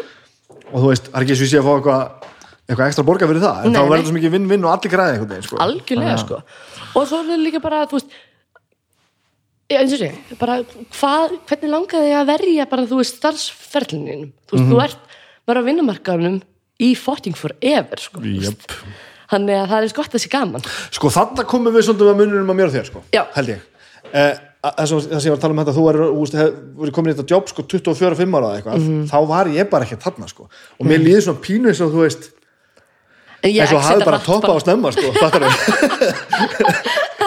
Já, ég veit ekki, ég, ég sko ef ég var alveg hreinskilin þá fyrstum sinni, þetta var, ég var aldrei ég lagði aldrei upp með hérna að vera nú ætla ég hérna að vera karýrkonan mikla, eitthvað svona. Mér fannst bara gamanvinni og ég metnaða full Ok. og, og það var uppskriftin. Já, já. og svo vissulega, þú veist, sem leið á og, og það komu, þú veist, svona aukin uh, auknir sigrar, þá vissulega var, var þetta svona bara, ok, ekstra gaman og, og, og, og þannig, og maður verði að halda ykkur fyrirlestur upp í, þú veist, fyrir mastisnefn og ég ekki með mastisgráðu, þú veist, hvað er þið að hlusta á mig eða, og hann en já, ég veit ekki, ég bara hann en ég, ég veit ekkert hvað ég ætla að verða því ég er stór, sko, Förum aðeins í bara grunnina á svolítið hvaðan kemur þú, hvað, þú veist? 101 Reykjavík. 101 reykjavík, aln upp af mömmu ok. Og hún er sagt, hún er skólastöri og var kennari þegar ég var alst upp. Og Hvar? hún var í sagt, fellaskóla og ennu Östubæskóla ok, og hann að já, þannig að þú veist hvað get ég sett um æsku mína? Búið tvær Búnd tvær, Já, já, já. og pappi bjó alltaf úti eða svo þannig að lengst af og hann fyrir uh, út í nám og, og þannig og svo bara 90s, þú veist, það voru ekkert samfélagsmiðla, þannig að hann bara kom heim, þú veist, og þá bara hittust við og, og eitthvað þannig. En þekktust alveg sem sagt? Já, já, já, já, já. og hann að uh, ég fór í, Östubæðskóla eða þú veist, var í Ísaskóla ég myndi segja að grunnurinn minn, allar markasvinnum minni hafa byrjað í Ísaskóla þannig að ég átti bara frekar basic, myndi ég segja uh, æsku, sko. Já. ekkert þarna þú veist, ég tók alveg út gelgjuna og var með dökkanælnir og í lýraból sem var með playboy merkina á því það var svo vilt eitthvað skilur þú veist, en, en, en aldrei innu- vesen eða neitt annir og bara þú veist, fekk alltaf sömu svona, æ, þú veist, svona sem kennarinn skilað, þú veist, á, í lok annar, svona umsögn. vittisburðurinn Já, það var alltaf sama. Hún er góð námsmaður en hún talar um mikið í tíma. Og það er ekkert breyst þannig að hann þannig að já, ég, en ég á ennþá eftir sko, ég hef aldrei búið í útlöndum nefnum bara eitt sumur í Danmörku. En ég á það alveg inni sko. En þú veist, það er líka, skilur, ég fór ekki ég hef ennþá eftir að fara heimsesuna já, sem ég ætla að fara í, einmitt. sem ég get ekki beðið ég ætla að fara, ég er búin að ákveða, ég ætla að fara 50 þá er bönn og nógum það er ekki með. En þú ert ekki, ekki með svona skýran grunn sem stefnir í áttina að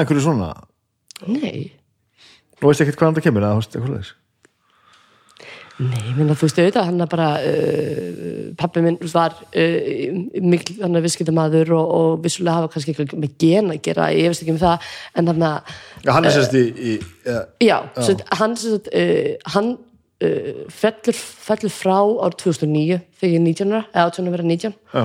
og hann að en, og ég elst ekki upp hjá þannig að ég, en, en ég trúi því að gen spilir rosa mikið inn í en auðvitað bara elst ég upp hjá mömmu sem var líka bara einmitt. og alltaf bara algjör, algjör dúer og bara hann að uh, já, þannig að ég það er svo margt í umhverfuna sem skapa mann, veistu, þú veist, það er hann að og það er eftir að pinpointa eitthvað svona eitt ákveði það ég held sér bara rosalega margir elementar og bland af einmitt genum umhverfi og oft líka bara tilviljun í lífinu.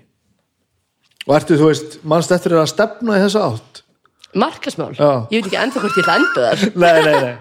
Nei, ég sko þegar maður hellaði mig við það og ég vissi ekki hvað að gera. Ég fór alltaf eitthvað svona hana, uh, æ, hvað heitir það, Æ, svona, það sem að er hjá skólahjúkunni og svona áhugasviðspróf, já. Og hlustundur verða að beðast af svona er mándar og ég er ekki alveg um topping sem kaffið er að kikkin þá mann í orði mín. Nei, og, og þá var alltaf sama. Hún verður leikona. Ég bara, uh, hún verður ekki að leikona. Eða það var bara heillaði mig ekki. Eða, og það var allt svona, svolítið svona skapandi. En ég tengdi ekki við það. En svo bara held ég ég hef óvart bara rampað inn á markasmál út af því að það var viðskiptið, þú veist, finnst áhugavert bara tölur svona til svona nokkuð neginn áhugaverðar svona og, hana, og ná árangri en líka creative. Og það er, starfið sem ég er búin að vinna í er 50-50 creative og um, tölur og, og business með það. Og hann að, og ég meni, ég rampaði henni viðskiptafræði algjörlega óvart, sko. Ok, ég fór í lögfræði eitt ár og því ég var bara búin að horfa á lögfræði sko. Tók, veist, eina seri af Allir Mac Bíl og bara, já já, Já, nú veit ég hvað þetta vera og hann og uh, og bara, já, fyrir lögfræði. Er það búin að vera þar í ár? Og bara þetta lengsta ár lífs mín, þetta var algjör döði sko, fyrir mig, þú veist, þetta var ekki það sem ég vildi gera. Og hann en uh, og svo sem það er ég búin að skrá mig ég hann að flytta hann til Danmörku þetta sumar og skráði mig, þú veist, ég bara borga skólgjöldin í hái, ég vissi ég ætlaði, ég ætlaði að læra eitthvað, ég vissi bara ekki hvað já, og ég hef ómikið chicken að, þú veist taka mér áspásu, ég veit ekki en hann að, hann ég búin að borga skólgjöldin svo er ég bara, þökk, og ég hef skráði í sko félagsráðgjafa ég ætlaði að, félags, að vera félagsráðgjafi það var eitthvað nið þetta er út Já. og fucking suður Já, sko. og þetta, þetta er niðurstað úr einhver ár, áhugasviðsprófi sem ég fór í hjá okkur námsráðgjafi í HÍ og ég var bara skráð í félagsráðgjafan takk fyrir. Og ég bara, já, já, ég að vinna með fólki, mér það gaman. Um, síðan er hérna, einn besta vingur mín, hún var að setja að fara í viðskiptafræði. Og ég bara, ó, hún er svo klár. Ég, ég ætla bara að fara með henni. Og ég sett mæti og ég var að málabraut í Vestló málabraut er ekki lengur til. Ok, því miður. Uh, en frábær grunnur fyrir alla og sérstaklega mentaskólin, eh, nema út því að tungumál gerir svo mikið fyrir. Veist, já, þú manst ekkert endilega öll hugtengin sem þú manst eftir úr einhverju hagfræðafunga í Vestló en þú manst kannski grunn af tungumáli frekar lengi og ert kannski fljótur að vinna þau upp. Já. eða það minnstu mín hana, niðursta, eða svona mín reynsla. Og ég mæti hana og var búin að taka sér einn áfanga í mentaskóla í starfræði einn áfanga. Og það var 2006 og uh, já, eða 5 eða eitthvað, eða 2006 þegar í Vestló. Svo er ég mætti hana í HÍ 2011 og bara fyrsti tíminn er starfræði og ég bara what the actual fuck er í gangi hérna? Þú veist, og ég vissi ekkert, ég var, ég var mjög neitt grunn og, og bara, þú veist heldurinn og diffrun, ég hafði aldrei eins og heyrt um það. Nei. en, en, þa en það var skilur grunnun, allir eitthvað svona það heldum við þetta bara. Og allir bara uh, Ó, það- það er svo sjálfsagt, ég veit allt. já, og ég bara, fuck, fuck, fuck, fuck. Æ, ég ger, þetta er podcastið þitt, ég ger ráð fyrir mig sem fuck já, og, bara þú mátt gera svo vil yes. það svona píp, píp Það var alltaf, ég sé það ekki alveg. Það er mitt. Og, og það var bara algjört reality check sko að byrja í viðskiptafræði. En, en ég var þarna bara með vinkunum minni og skemmtli fólki og bara, herru gakk og körum ekki sama. Þá við fengi fimm í bókfæslu who cares, það var aldrei neitt spurt mig Hvað finnst þér bókfærslu? varðandi rekstrahagfræðinguna sem við fegst inn 2012 skilt ekki máli. Nei, og svo fann ég bara fljótt, og bara tóku við, þú veist, skilur mér stundi hérna uh, stefnur, já. Og þú veist eins og með bjöðsirkjarnir mína ég alveg viðraði þeir rosa mikið fyrir mér. Bara að fá veist, að skila henni og, og var rosa stolt, þú veist, ég fekk hæstu engun fyrir hana sem var gefin sér, þú veist og ég bara, yes, þetta kemur mér áfram.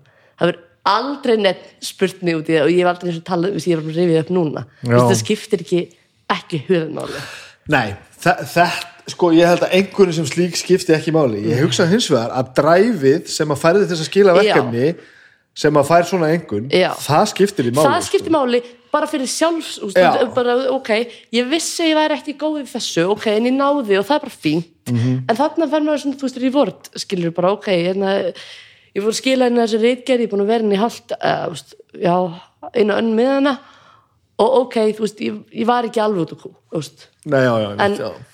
En svo er hann að svo er einhverja mál svo, svo fyndin, þú veist, og maður alltaf taka próf og bara, hvað fegstu? Átta eða eitthvað? Ég fikk átta fimm. Fuck. Ah, fuck, átta fimm. Skilur þú veist bara, skilur ekki máli?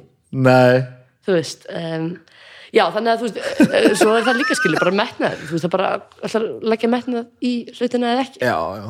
En hvernig var þetta þá, þú- og segir, þú veist þú kemur svona og fær bara starffræði í andlitið bara. Já, það er ekki dreigið úr þér samt. Þú er alveg bara ákveða að halda, halda þetta út. Já, já. Ég er bara búin að, þú veist, ég ætla bara að vera með einhvern minni og ég var ekkert sammála því að ég ætla að vera eitthvað félags eitthvað nei. félagsákjafi en, og það er, ekki minnskilum mig bara frábær stjætt en það bara er ekki ég. Nei. eins og markismál er ekki fyrir alla. Og þú vissir það sérst alveg já, og þetta er eiginlega líka sko bara röð veist, og það er eiginlega bara svona, þú veist, ef að æfa saman að heita eitthvað, þá er það röð tilvíluna, ég sótti um þú veist, ég fór í þetta nám fyrir tilvíluna vinkunum minni, ég fór, sótti um við dóminu og svo því að Já, það var vel líðan á Íslandsstofu og ég bara, ah, fuck it. Þú veist, hérna. Og uh, fyrir markastjóri fyrr til útlanda, þannig ég, þú veist, þetta er bara, já. Já, ég var ekki með skýrt gól þannig séð sko og það er eiginlega því miður, því það var ekki að geta veit ykkur ráð og segja bara já þú byrjar hérna að skrifa niður hugmyndina eina með krít á. en ef ég ætti að horfa að þið og, og, og, og meta eitthvað sko, já, þá er þetta samt augljóslega manneskja sem að gefur hlutunum sjans að þeir gerist. Já. menn þú ferð guns blazing og bara ég ætla að segja mér þetta fucking jobb hérna. Já, veist, það er náttúrulega margir sem bara gera það ekki sko. algjörlega sko. Og svo var það mér fyndið að hana, uh, ég fer í eitt viðtal og mér fannst ég vera ömuleiði ég sé bara, oh, hérna. Svo er manna, sitt dominusvitaleið og svo er ég hérna að koma aftur. Og þá er ég sko búin að undirbúa mig alveg svakalega, ég var bara, herði nú er hérna, ég var alveg bara búin að uh, kynna mér dominus miklu, miklu meira og þannig. Og þá var mér bara réttu penni, bara hefði gjör svo vel að skrifa. Þú dráðin, og ég bara, en ég ég, ok, what the fuck? Svo var ég bara, skrifaði undir og jú, ég bara gekja og ég bara mm, má ég samt segja þér allt sem ég er búin að kynna mér um Já. fyrirtæki, þú veist, ég bara ég held svo mikið ég væri að fara í viðtal nummer tvö og, hana, og það var ég en, það, en hann, hann sá eitthvað í, eitthvað í mér sko, það er bara gekja en þetta, það er líka frekar fyndið sko, þarna, En Já. hvað varstu þá, veist, að, að því að uppáðs þess að dagana það að við erum öll að feika það, sko? alveg alltaf Og það verður svo dásamlega áberandi þegar maður er búin að ná einhverjum árangriði sem maður er að gera og maður svona nær aðeins að fjarlægast. Já. Anda djúft, horfa í kringum sig og svona inn á við sig sjálfan og bara, já, við erum öll með löðrandi impostor syndrom hérna, Sko. Þetta er ekki eðla að ég fyndið. veit að ég er svo ána líka að heyra það og því ég var alltaf bara fullur fólk með alltaf hreinu fullur fólk veit ekki Nei, sér við veitum ekki djakt, sko. fullur fólk veit ekki sér það er bara þannig og það veit engin neitt Nei. það er bara og, og, og það er er svo ótrúlega gott líka að vita. Já. það er svo gott út í því ég, mér finnst ég ekki vera fullorinn þú veist, ég, Nei, nei. eða, veist, jú, jú, á blaði er ég ég er þrítug, ég er á batn og bíl og eitthvað, skilur húsnaði eitthvað.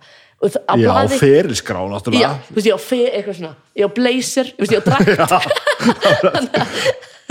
Þannig að á pappir er ég fullarinn En ég, mér finnst ég ekki vera fullarinn Nei, Og ég vona ég verði aldrei. Ég vona ég verði alltaf Bara eins og ég er Þú veist, að einhver, leið, þú veist, jú, jú, ég held að það þroskast á hinum öðrum stöðum Ah, sko. að og, og ég held að gera það en á endanum þú veist, öll hjón eru bara kærustu pör þú veist. Ég meina, þú veist, þú veist að ég endið deg skilur, þú veist, maður horfir á okkur gamla fóðra og eitthvað. Og, og maður hugsa bara, já, þau eru hjón en þau eru sem kærustu bara, þau verða við halda loganum og verða aðeins, hérna, mamma og pappi þeirra aðeins hérna að fara í þetta er Brosferð. besta setting sem ég hef mjög, mjög lengi. Þetta er svo nákvæmlega rétt. Því að þú veist, þetta verður ekkert meira, sko. Nei, Við- það er bara máli og það er sem ég, þú veist nú er ég komið með, með hana eitt sem er að vera tveggjara og ég er bara, ennþá þú veist, ennþá, hann er bara tveggjara en ég er bara, fuck, veist, hann kallar mamma og ég er bara, já og hann leitur til mín yfir eitthvað og ég bara, fuck, hvað veit Hvað ég, ég að já, hvað ég að gera og svo bara mamma og pappi og þú veist, hann er kannski líta á okkur svona, sem eitthvað svona, þú veist, eitthvað svona Já. svona, en við erum bara Það veit ekki neitt. eða skilur, já, einmitt þú veist, og, og hann það er sem líka svo hugræsandi og þú veist, maður hefur sittið fundi með alls konar neglum og alls konar hann flottu fólki sem maður lítur upp til í viðskiptaheiminum Mhm. -hmm. og svo er ég bara, já, svo segi ég kannski mínu skoðuna bara, já, ég er sammála ég er bara, what? ok ertu viss? Já. Mm. En uppalega nálgunum minn þessu var þá, veist, hvern- hvernig var það að vera komin svona óbúslega ung einhvern veginn í svona high profile job og þú Mm. Mm. svona frekar high profile, veist, það var svona pínu svona, það var einhver svona stjörnur á myndinni þegar það byrtist í séð og er, mér. þú veist hvað ég er að meina, þetta var svona pínu þannig, svona, Nei, sko, það var alveg mjög fyndið þannig að ég fer í fyrsta svona það var aldrei eitt plan, alls ekki sko. það var aldrei einhver svona að vera er- svona unga stjörnu alls ekki, Nei. alls ekki svo sannlega ekki af mér og held ég alveg bótt ekki á fyrirtekinu sko. um, uh, ég fer í eitthvað svona viðtal út af því að ég hefði verið að sjá um Twitter aðgang fyrirtekisins og bara eðlilega á því ég var ekki með henni teimi og, hana, og ég þekkti ekkert annað en að vera bara í öllum stöðum sem er líka bara geggjað og þannig að um, og því þá hafði þessi, þessi aðgangur fengið svolítið svona böss. Og bara hver er bak við Twitter aðganginu Dominos eitthvað dæmi. Og þá hann og þá fyrir ég er ég beðin og komið viðtal og ég bara já já. Og ég hef alltaf bara sagt já já. -hmm. Mhm. og þú veist ég, var, ég fór aldrei inn að fjölmila uh, undirbúning eða neitt hannig og ég Nei. heyri rosalega mikið, þú veist að konur eru rosalega mikið að viðra sig frá viðtölum og þannig, það hefur ekki verið veginn mín upplifin, ég er bara já já. Og ef, ef ég sökka, þá sökka ég. Já. og það er bara allt í bara og, ég hef oft sökkað og það er bara þú veist, þá bara horfum við bara ekkert á það. Og hann að já, svo svo uh, bara, þú veist, ég veit ekki svo, það, ég hef aldrei einhvern veginn sótt, sóst eitthvað í að, að koma í viðtölega hér eða neitt hannig, ekki nema að þú veist ekki, nei, ekki ekki nema jú þegar ég hann reyndar seldi íbúðinu mína þá, hann, þá spurði Marta Marja mig hvort ég mætti sitja inn í íbúðinu, ég bara já og þar, þar sá ég bara auki exposure sko fyrir Á, ég gert, ég gert ná ég sá bara yes uh, bankreiningin var ég- það fyrir ég, ég gerði nákvæmlega sama. Já, og þú veist, það er bara og þú veist, og svo, en síðan bara fattaði ég á hérna einhvern tímapunkti, ok, við erum að vinna á litli markaði. Mhm. og Ísland er lítið og hvað það markas þú markasmálun er lítil. Þannig að um, personalized branding og bara svona, þú veist, hvernig þú hérna, kemur fram það hefur bara oft mikið á miklar hérna, uh, hefur, já, hefur bara, þú veist skiptir rosalega miklu sköpum fyrir bara framtíðar karýr Mm. og það er eitthvað sem ég fatt svona kannski ég veit ekki, 27 eða eitthvað þannig. Þannig að þá svona fór ég ok, ég kannski ég fer kannski ekki í öll lífstilsvitulun eða, eða kannski já, þú veist, já, stjórna því já, aðeins svona ok, nei, ég þarf ekkert að vera ekkert að vera þarna, en jú, þarna er verið að tala um eitthvað svona business, já, ég, þar langar mig meira kannski að, að, að hlusta sig á mig. Og hann og, og, það, og það skiptir líka alveg máli. Og ég er alveg að því að þú sem vörumerki sé, og, það, og það eru allir að hugsa um sig sem vörumerki whether they like it or not. Og ekki endilega fjölmjöla, bara heldur hvernig þú byrtist í, á samfélagsmiðlum eða hvernig, eða þú veist í hvernig, hverju þú ert í vinnunni. Þú veist, þetta er allt eitthvað sem að, spila saman. Og, og þetta er vel líka bara veikt mér fullt af tækifærum sko. Þú veist, að, hafa tekið ákvörðun að, fara í viðtöl og, en auðvitað spila náttúrulega bara velgengni fyrirtækisins sköpum sko þar þú ert ekki að þú búin að svara hérna, því sem ég var að reyna var spurningin? ég var að reyna að spyrja þessum með impost, með impostorsyndrom en þetta er mjög gott sko imposter syndrom, já veist, a- af því að þú veist, við sem að erum, gerum þetta aðeins setna heldur þú þú veist, Mhm. nú, nú er svona einhvern veginn byrjaði ég bara að vera skítur og svangur og var svo rockstjarna, skilur og fór bara þessa leið, sko Já, já. og var svo bara mjög stoltur af því að vera tónlistamæður setti svo niður og bara fekk metna fyrir að vera, í vinnunni Mhm. og ég er orðið svona, þú veist, ég er 43 ár í dag Já. og það er svona búin að vinna í sömu vinnu í 8-9 ár og, og það er svona fjögur, fimm ár síðan ég svona virkilega fór bara svona, Mhm. -hmm. svona rétt áður en við erum að vinna saman þannig að ég er bara svona fyrir bara svona snúa mér að vinninu og bara þetta er ógeðslega gaman, ég er ógeðslega góður í þessu og ég er til að gera þetta bara bara svona af alefli sko. Mhm. og þá er ég svona einhvern veginn rétt undir fertugu að finna þetta svona sem allir finna að að maður er alltaf feikað sko. Og bara svona, ég veit ég er ógeðslega góður í þessu ef ég horfa á þetta sko hérna svona utanfrá, Mhm. þá sé ég alveg hvað ég er að gera rosalega gott, en alla daga þá er ég alltaf bara, allir sjá í gegnum mig. Þú veist, en hvernig, en hvernig þá að Það vera er sko nákvæmlega eins. Ég seti hérna, sko, það sem fólk sér ekki að ég er bara bara, já, já, já, já, já, akkurat, mm, nema rockstyrnupartin ég á hann eftir, sko. En hann, sko það er allir hann og ég er þannig líka. Og ég er sérstaklega eftir að ég fór svolítið fæðingolf að koma, sko, ég hef verið þannig all, all minn karýr og það er það besta við myndi sem ég sagði hann hann með uh, fyrir fórstjóra var að bara hann tók sensamir og það gaf mér alveg svona confidence. En hann að en maður veit ekki neitt sko. Og hvað þá að fara í fæðingulof að koma tilbaka. Maður Já. er bara svolítið stúpid og þar er imposter syndromi alveg í bókni sko.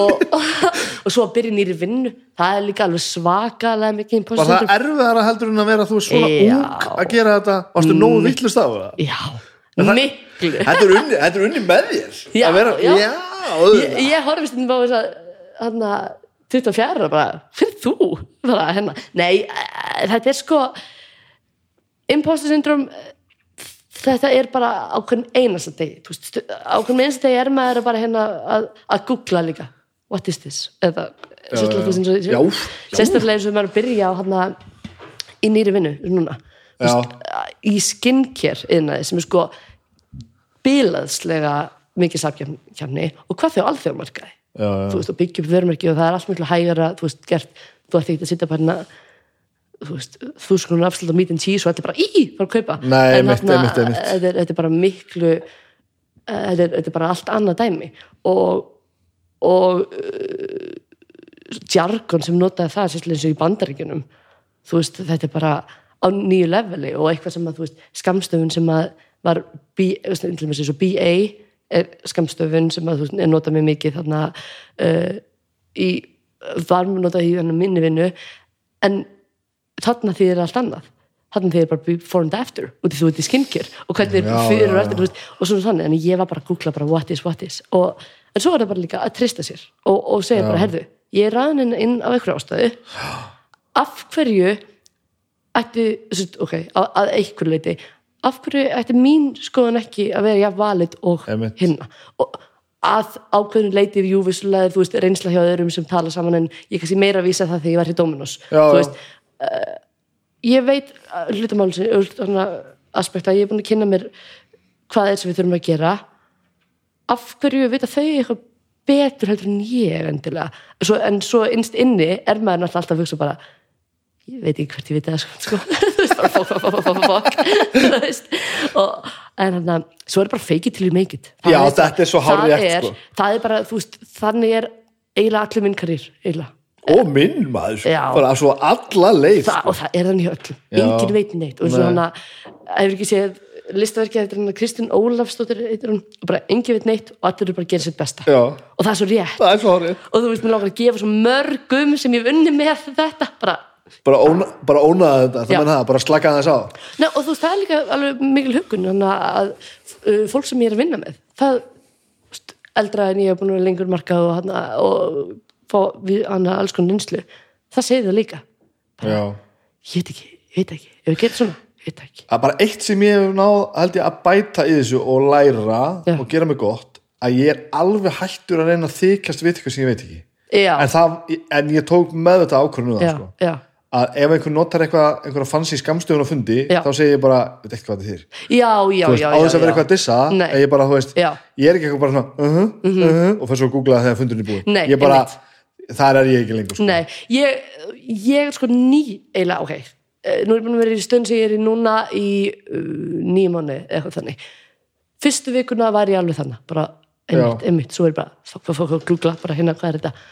Svo bara nefndi ég ekki, og ég hugsaði hvað er þetta bæta, þú veist, við fundin ef ég bara er hérna að segja Já. já við einhverju og ég hvað þetta að tala um þá getum við alveg bara verið að tala eitthvað annað tungumál og svo eru bara allir mannlegir. Þú veist, það er bara, það er líka alltaf lægi að spyrja því að ef þú spyrir ekki, hvernig ætlar það að vita eitthvað? Þú veist, en það er sem líka, það er alveg um, það er svona það er klinga svolítið svona stolti út af því að sumum finnst það bara, veistu þetta ekki? Skilur færðu það oft? nei, nei, maður bara Já, ég veit það ekki. Ekki, jú, kannski, kannski mér, jú, jú, pottir maður, ég veit það ekki. En ég bara ég ákvað þetta svona svipum tíma þegar að hérna, ég ákvað ef einhver ringir í mig og ég er sofandi þá var ég að vekja þig. Já, Einmitt. að segja bara já. Fólk er ekki enda komin í það. Nei, Ah, nei, nei, nei. Bara slefu út á en er mikið hringdið þú ert sofandi? Nei, þetta er hætt eiginlega sko. Já, jú, þetta er rockstjörnu lífið það ringir engin lengur sko. Nei, bara, thank god. Ég, veist ekki gaman að tala í síma hata að tala í síma ég líka, ó, gott að heyra. Já, ég hann að uh, Zoom og Teams er alveg fínt, þú veist bara videotjata sko, já, en hann að að ringi mig í síma, ég er bara uh, uh. ég er rosalega góður með rittamál sko. Já, og ég er rosalega góður í horfi í augun og fólk að tala við það. Mhm. -hmm. en þegar er, ég er, er bara að vinna með röddina í fólki já, ég er bara, nei en þetta komið þess að yfir á, á tiltölu að nýgreint óvissu óþól sem sálfræðingur mín var að benda mér á.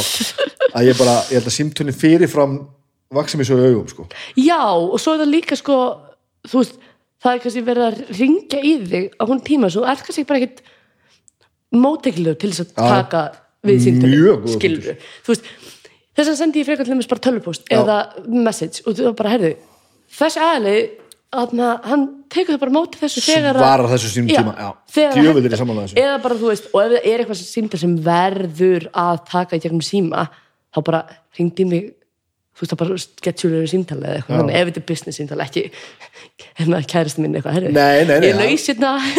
Alltaf, allt, allt annað já, sko. en og, og, ég er ekki, svo er ég með já, hann já.is appi þannig að ég sé alltaf, þú veist skilur, svo líka hann að skipti ég um, það var alveg mjög þærlegt ég skipti um símanúmer þegar ég fór á milli vinna já, það er mjög þægilegt þannig að það er ekkert eitthvað það margir með símanúmerum mitt en það er sjö, nei, eitt sjö hvað, hérna, hvað ert að gera núna? Hvað, er jobbið þitt? já, heyrðu, ég er uh, brand and campaign manager hjá Bíofækt og það er Brand and campaign mann mm -hmm. okay. -hmm. og það þýr ég er að sjá um uh, bara vörumerki mótun á vörumerkinu og allar herferðir á viðsverum við erum með 20 uh, við erum hana 20 stöðum yfir heiminn sko og 20 löndum þá Já. já. og hann og ö, 20, já, 20 mörgum og það er ótrúlega fyndið. Það er sko að vinna núna með teimi og það nú er allir með hana, internal hönnuð og, og copywriter og, og er með teimi í bandaríkjunum og í Breitlandi og, og annað og þarna og þetta er bara allt, allt, allt annað en Dominus já. en samt er margt mjög líkt og, hana, og núna er já þess að ég var já, þannig nú er ég uh, teimistjóri yfir þessu teimis og sé ég líka um íslenska markaðin þannig ég sé alveg um íslenska uh, markaðin hjá að bara, Er það meira hands on þar eða? já, já að Og, og það er bara að fara á, Já, á þú veist, það er bara, það er bara kynningavíkaði bioeffekt núna, sem hefst núna að 50 daginn, 20. og plugga, away nei, hana, og, og það er ég, meira hands on í því en síðan er ég með, þú veist, alla þessar herferðir og við erum með nýja herferðir hverju mánuði þannig að það er alveg svakalega mikil kyrsla og, Já. og hvað þá það að hérna, vinna þessar herferðir á alþjóðamarkaði og, og, og það, að það þarf að huga að mörgu og samkeppnin er náttúrulega svakaleg. Já. og þetta var líka bara alveg nýtt fíld sem ég hefði ekkit explorað í rauninni áður. Veist, það var skincare og, og þetta er rosalega áhugavert. Og, og mér varst líka bara bíófætt sem vörmerki vera svo ótrúlega áhugavert. Íslands vörmerki búið að vera til tíu ár byggt á uh, líftekni biotechnology, ég meina þú veist það eru fimm aðilar sem eru að vinna með mér sem eru með doktorskráðu og eru bara langt Ég flestir einmitt, einmitt. og ég er ekki eina af þeim. En þú veist langt flestir sem ég er að vinna með eru þú veist í hvítum sloppum. Já, akkurat sko.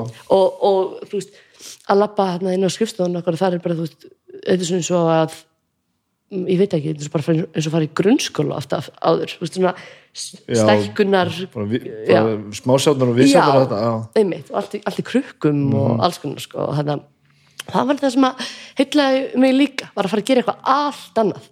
Og, og það var líka bara næs að þú veist uh, að vera ekki bara á Íslands markað þó ég sé náttúrulega vissulega núna með þarna uh, Íslands markað en þá var það líka bara og mér langaði líka að fá þessa uh, verkefnastjórnislu og fá þú veist að vera með að vinna með teimi og bara heyrðu ok svona, gerum þetta svona, svona ok, þú ert að gera þetta, menn þú ert að gera þetta þú veist, já, bara koordinita svona já, fólk já. bara, já, og ég hef, hafði ekki mikla reynsla því því ég vissulega ég þú veist bara ein mínist lið og, og vöðin að gera allt sjálf sko eða þá að vinna með ölsingastofu Mhm. og hann að uh, þannig að það var og þetta var bara uh, tækifæri veist, sem kom til mín og, og ég gæti ekki sagt nei við því sko. Nei, og þetta var svona, ég var nýlega veist, í fæðingalunum, þá tók ég alveg svona lista af fyrirtækjum sem ég langaði að vinna hjá kannski hmm, kannski veit ég meira hvað ég vil gera en ég held.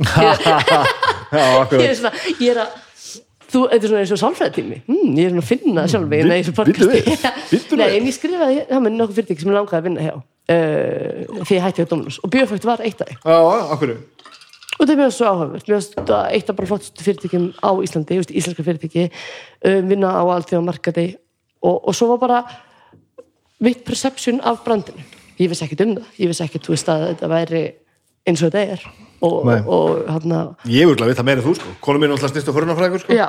Ég var gríðarlega og er ennþá mikill viðskiptaðinu sko bara í fríhöfninni á Já. leiðinni heim Já. alltaf ein stór Já. bara aðal kremið þannig hvað það heitir Já. það var alltaf mjög gaman að koma gjörsamlega Droparnir, óbaðaður sko. einhvern veginn að ekki þannig, ekki, jú ekki dropana, stundum, stundum já. Mhm. serumdrópana en aðalega kremið hérna, hana basic kremið hana Já, sem ég bara veit hvað er Akkurat. ég er ekki algjörsversvæðingur sko, en, en síðan er þetta svo ógeðslega góða vörur og bara þú, sorry, seamless pluggi hérna en þetta er bara, veist, það er líka sem er svo merkilegt að vinna með bara aðlögum sem já. til og eru með scientific backup Já, ég meina, kona mín er að vinna veist, á, á, Madison, skilur já, sem er bara svona high-end stuff, sko. Já, og hún segir bara, bara no contest. Nei, það, og það er bara þannig. Og, og, hana, og þetta var bara algjörlega nýtt challenge fyrir mig og líka bara þú veist einmitt aftur að vinna fyrir vörumerki sem þú hefur trú á. Já, og akkurat, vinna fyrir akkurat. vörumerki sem að þú tengir við. Og ég hefði verið pínu notandi áður en ekki á næstu jafnmjölu magnu og ég núna sko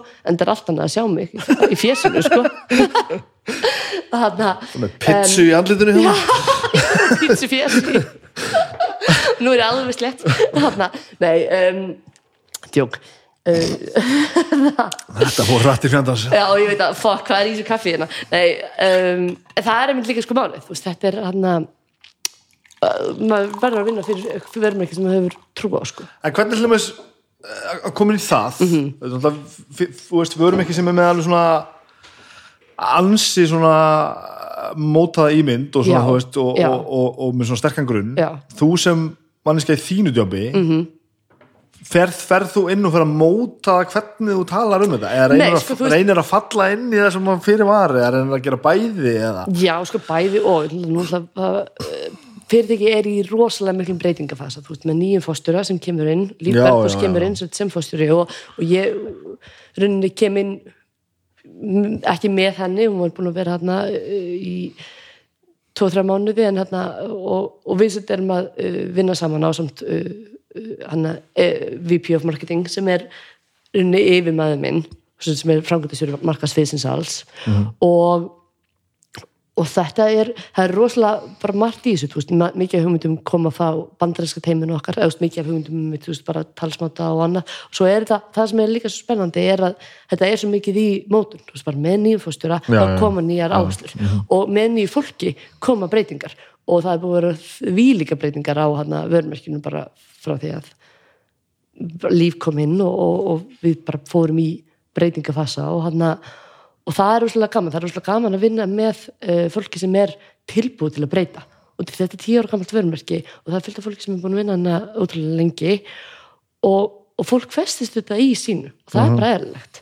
En það er svo gaman að taka þátt í og það er gaman að vinna með fólki sem er til í breytingar og til í að taka sjensa og, og, og er með svona neginn skýra stefnu. Já, þannig að það er svona það sem var hillaði mig sko.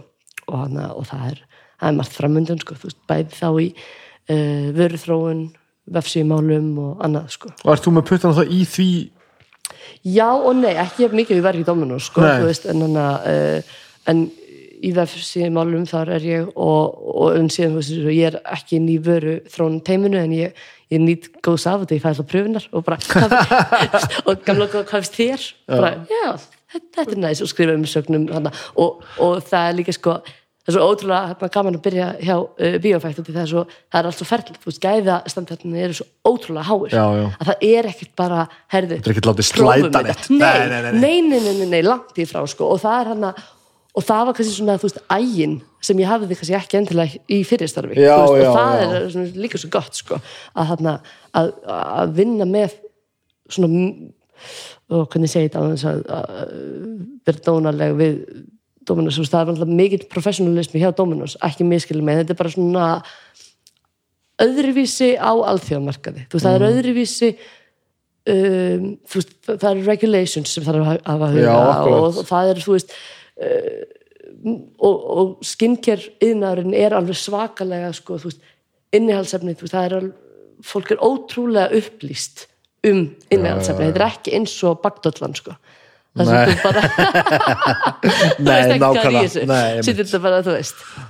Þannig að og, og, og já, og það er eitthvað svo eigum við sér bandarækjamarkað og veist, uh, biofætt á Íslandi. Þannig að við, það er mikill samgangur þar og það er mikill, þú veist en restið í gegnum dreifaðalakerfi Já.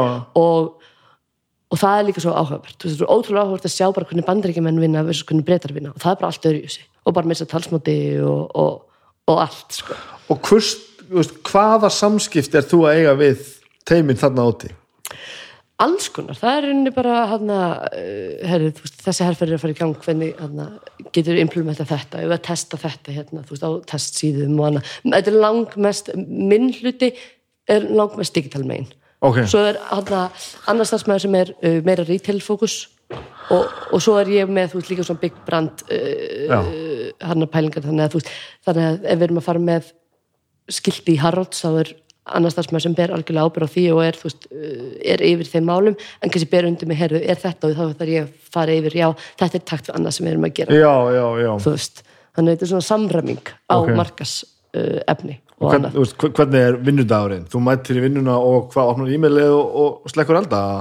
Pömm kaffi Að í kaffi? Já, uh, já, er, ekki bara, er ekki bara hjá flestum sko Það hljómar svona, veist, þetta sé þannig jobb, sko? Já, þetta er, þú veist, þetta er alveg mikið og svona, þú veist, út af COVID þá hef ég náttúrulega þekki ég ekkit annað, þetta er bara mikið af tímsfundum einmitt, og, og að vinna mitt, veist, í bandríkjumarkum það því það að stundum er fundur klukkan átt á kvöldin og það, er þá klukkan Ah, já, það tvö, já, það er klukkan tvö hjá þeim, sko Mm. en, en, en, en það er bara allt í lagi og, og vinnudanir eru og það er alveg skemmtilegast og þannig, í þannig starfi við langar með að vera er að engin vinnudagur er eiginlega eins Mm. alveg klísja en alveg satt. Já, þetta er frábært, ég þekki þetta mjög, mjög vel. Þetta er alveg bara og það er það sem heldur mér í starfi. Og hann og, og svona þú veist og bara og vinnu félaganir þú veist ég er að vinna miklu meira af fólki þú veist, ég, var ekki, ég vann með miklu smærra teimi áður sko. Og hann að og það er svona eitthvað sem að, veist, í mötuneyti að því að mötunendar það er ekki ekki. Fyndið að vinna á dóminu svo fók ég maður. Já, jú, það pizza það miðgundum en þú veist, það en þarna, já, nákvæmlega, veist, jú, ég- ég- ég- maður gæti alveg panta sér, sko en þú veist, Hva, hvað er það stór vinnustafur hérna, hérna heima? uh, ég held sér 60 komandur What?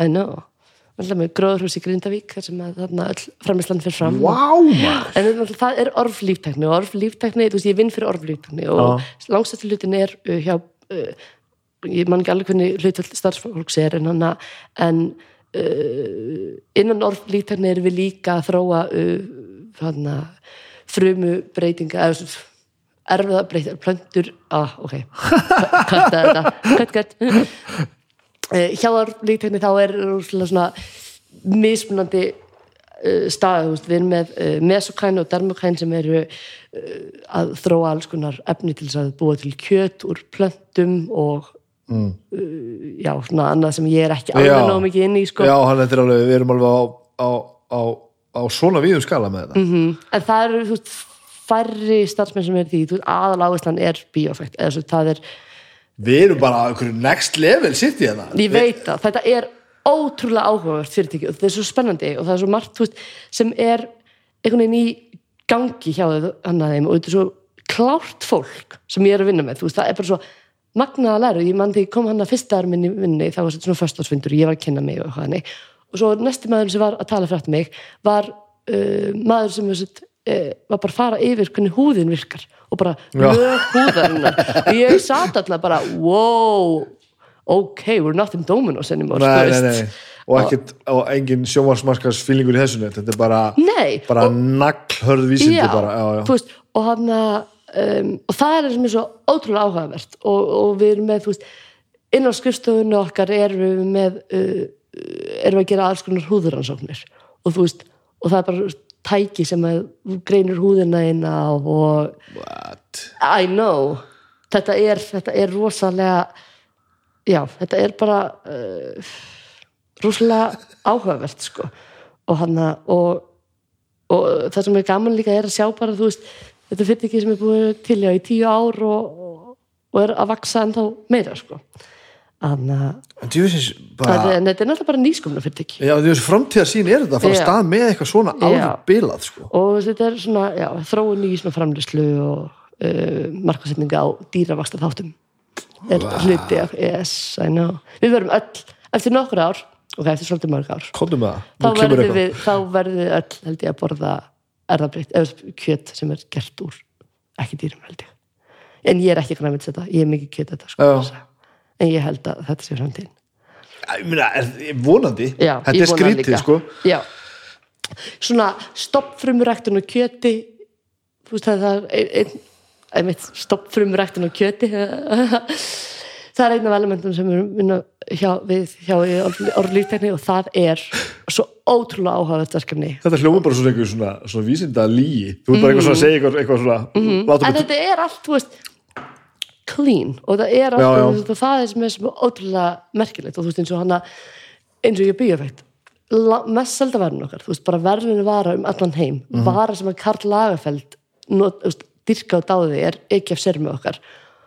Og það eru sjö því Já, já. og þú veist, það, og sko og ég haldi og fyrir ykkur síðan og vonum hana komið með nýtt krem sem er ándjóks bestur krem sem ég hef veist, þetta er svona nýtt fyrir mér en hana, um, með uh, 12 innhaldsefnum og ég var bara fyrst svona, hm, er það mikið eða lítið? Svo er ég að sjá bara hvernig hana uh, samkynningsalveg eru þá er kannski bara meðal, meðaltal svo 40 innhaldsefni Já, nákvæmlega, sko. þú veist, og þetta með svona, já, wow what the fuck, ok. Þú veist, hvað er ég að sitja á húðin á mér sem er stærsta líffæri mitt? Og, og hvernig ætla ég að gera þannig að þetta er, eins og segi það, það skiptir máli að vinna fyrir fyrirtæki sem að þú hefur trú á, sko Og finna flutin á því hvað það er sem fær maður til að tikka með það, sko. algjörlega, algjörlega, sko og hann og þú veist, og það er líka það er útrúlega að fyndi að byrja líka hjá alþjóðlega fyrirtæki í COVID Já, já, veist og hann, en ég laka til þetta að byrja að pikka upp og þú veist, mitt, um, flugvöllurinn var stór stór basi sem Já, var já, datt út auðvitað, þar auðvitað, og auðvitað. hann Já, ég, til dæmis. ég segi það á hverju keftir bara þar það var bara að því ég var alltaf að túra og ég var alltaf að koma heim og, og við vorum með þessi hægt að tala um það hvort það væri lagar til á heimilinu. Ég tók alltaf bara eina. Yes, það var bara svona Já. fastir, fastir liður sko. En serumið einhvern veginn datt ekki í notkun sko. Ég veit ekki ekkur nei, það er líka bara mismöndi, þú veist, fólk það er eitthvað hérna ég held að ég, ég, það er hættulegra sko. Já. manni líður meira eins og sé að vera fokki manni þar sko. Krem er, maður er vanar bara einhverjum kremum sko.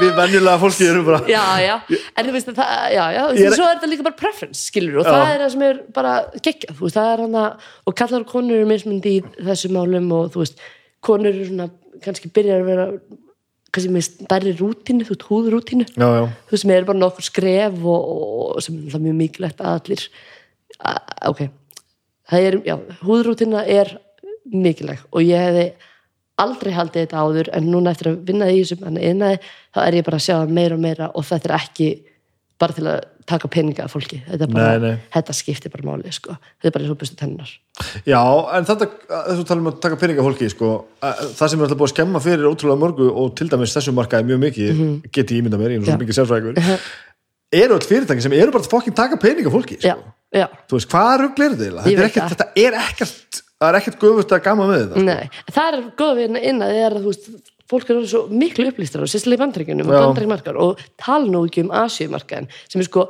svo gáður og, og, og svo bara upplýstur Já, já. um þessi mál og hann og, og við erum með þú veist vöru sem heitir hana, EGF Essence sem er svona rakavatn sem að uh, Evrópaka þekkir ekki alveg nóg vel en þú veist í Asíulöndum þá er þetta bara steipul Rakavatn, hvað gerir maður? Ó, það er ekki, það er einn uppáhaldsvar mín ég er alveg svo mikil sökkar fyrir svona. Það er, það er, það er svo Yes. fyndið sko. Nei, það er ekki, þú veist, eðlega, þetta er bara þetta, þetta skiptir máli. Og hann og það er svona rakavat svo setur þessu í hendina og setur síðan hann serum á þig.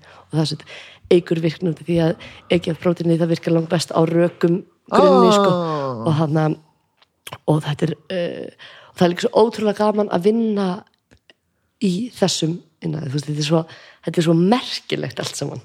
Já, veist. það er frábær lýsing. Þetta er bara svo merkilegt. Já, og þú veist, ég mynda saman hvort að þú ert uh, kunnir öll stóru orðin þú veist, maður er að vinna með bara drioxyklóð íð eða eitthvað, ég veit að ég er bara eitthvað láður sem ég var búið til eða skilur Mjög gott. þannig að um, og maður er bara, býtu hvað gerir það? Og þá eru allir með svörin þú veist bara, já, við erum að nota þetta og þetta gerir þetta og, og því húðin virkar svona. Og það er svo áhugavert, þetta er ekki bara eitthvað einmitt þetta er bara, þetta er bara já, sérðu húðina hérna og sérðu frumuna. Þegar hún leitar upp þá deyr hún að og við viljum örfa þennan vöxt að hún fari upp og, og, og búi það til þennan ljóma og heilbreyði húðarinnar. Og það er sem þú veist, BFF stendur mest fyrir er bara svona heilbreyði húðarinnar. Og þetta er hann að þetta er, En þetta er það sem er bara að skemma fyrir okkur sem að, veist, höfum ekki beinan áhuga á þessu. Mm. veist, og ég, ég get alveg sett því að og bladra svona mikið um þetta af því að ég hef svo mikið sko, mín einslæðir í svo mikið kon- kontrast. Já. ég var bara svona einhver gaur sem að þú veist átti bara fullt af vinnu sem að æði bara íþróttur fullu Já. og svo bara allir nota allir þetta sílvatni sitt og eitthvað rakakrem, þú veist, bara. Eða bara svona oft líka bara sem konan á, Sir, cirka það sko. Já, og, og, og fyrst, mér fannst vondleikt þessu öllu saman öllum þessum ilmum sko og þessi krem gerði mér bara einhvern veginn löðrandi og ég fyrir bara, inn, í lókunum sko.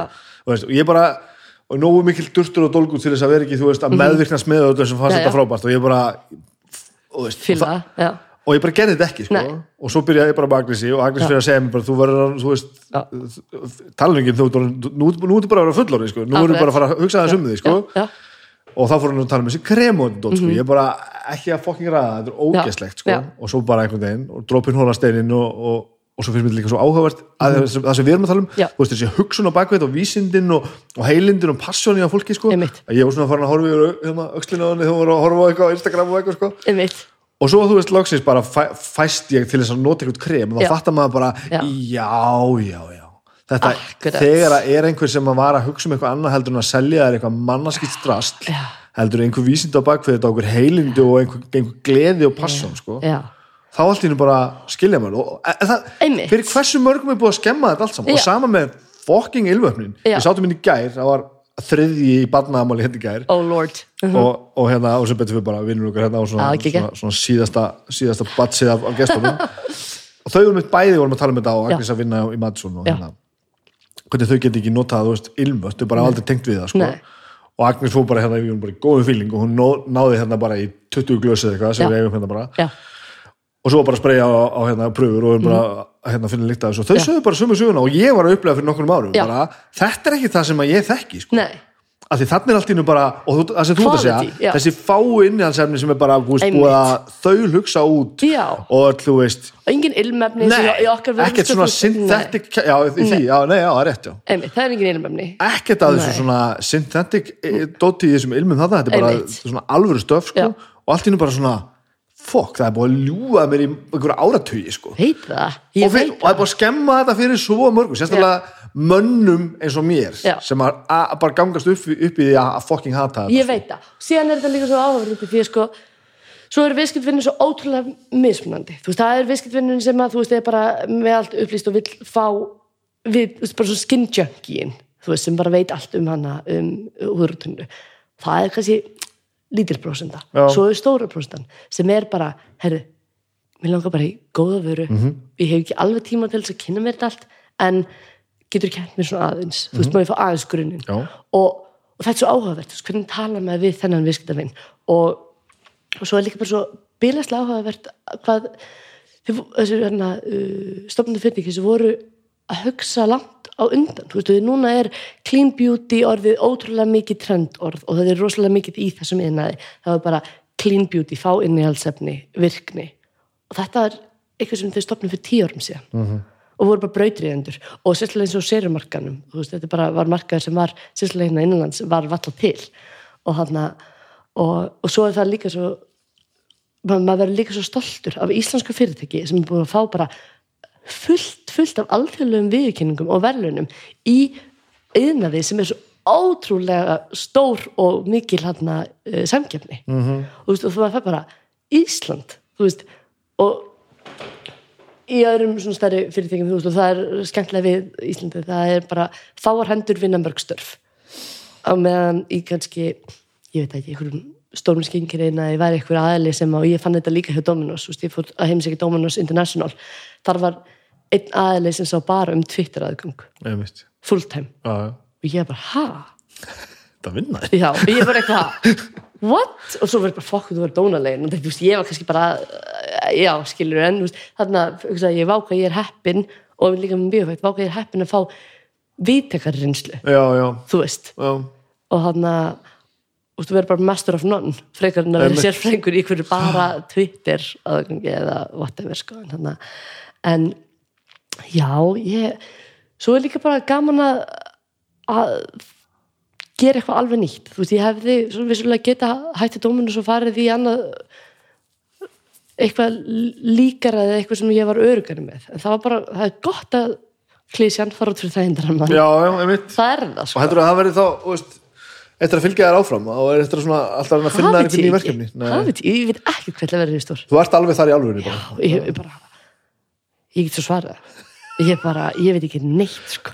ég hana nei, ég veit ég er frá út að borða niður og það er eina sem ég veit. Það er gott plan sko. Já, talandi um það Mhm. mm veist hvað gerur þegar þú ert ekki þessi þegar þú ert ekki hérna markas markaskonum mikla. Ég get ég ætla að byrja með því ég er mamma og, og það uh, vissulega auðvitað hefur hana, uh, rosalega mikil áhrif og hana á allt. En, en svo er ég ég er ótrúlega mikil félagsverða og ég bara ég er í fjallaskifum uh, nei, fjallaskifum, nei en ég er í gönguskifum Þú veist, ég er verið að prófa með eitthvað pínu áfram í því. Ég er í veiði á sömurinn ég hana, um, er að spila badminton einu sinni í viku sem er geggjað. Ég er í nokkrum skemmtulegum vinkunahópum og það er, það er kannski svona sem ég ger dagstæðlega. Ég, er- ég er alltaf að gera eitthvað skemmtilegt með vinkunum mínum. Og það er einmitt aftur, þú veist, að vera fullorinn aha, þú veist, ég var líka bara með vinkunahópum mínum senustu helgi í, í Beyoncé dansi upp í stofu heima á mér, að læra að tvörka já, þú veist, geggjað. Já. og hann og, og svo var bara skotkeppni um kvöldið eða eitthvað, þú veist. En þú nærði að halda þessu lifandi Já. þú veist, já, já, að því að maður um, ég- mér finnst alltaf að hitta fleiri og fleiri vini mína sem hafa ekki hitt vini sína í mörg ár sko. mm.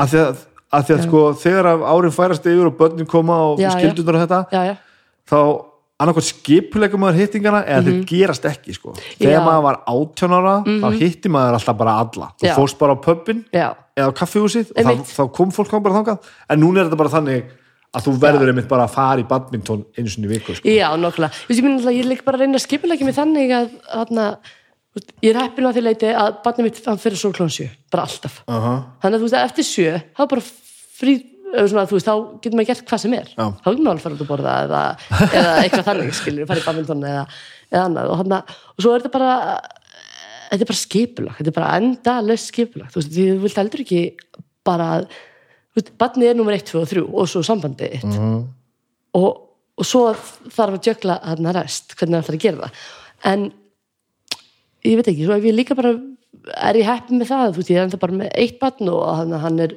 mjög svona meðferðilegur, þú veist, þegar ég var fæðinguleg þá var ég bara, hann kom bara með allt einu sinni, Já. uh, ég var gestafyrirlesari hjá Gumma, hann í, sem er nú með Akademias Uh og hann var með að vera með fyrirlistur hann var uh, svona minn fjörum ána og ég var fæðingalöfu og ég bara, já, ég til ég og ég bara, já, já, not? Og mér langaði líka svona aðeins að svona nota heilan ekki vera bara í, þú veist þegar ég að hann fekk að borða hérna. Þannig ég tók bara svona minn með -huh. og það var, hann svaf bara í vagnum við hérna mér, meðan ég held kynninguna svo vaknaði hann þarna tímundið eftir. Og það var mjög gaman, sko, þá tók ég hann bara upp og það svona uh, líka var held ég gott fyrir nefndinu þegar ég svona vöknuði við. Já, sko. bara, voru alveg sónaður út. Svo kom bara lítið batni bara þetta. þannig að þetta er bara þú veist að reyna samræma uh, það, maður ég veit ekki ef, þegar maður er í góðu geimi, þú veist, bara líður bara vel og er maður sjálfur, þá verður maður betri mannski, þá verður maður betri mamma, betri maki betri vinnunni, þú veist. Og, og ert að segja mér að þetta sé bara svona einfalt? Þetta hefur alltaf verið bara, hefur alltaf náða að hugsa þetta bara? Þetta hljómar rosa vel og þetta er alveg hár rétt sko. Ég veit að ég er bara fokk en jú, það er samt bara þannig og hann og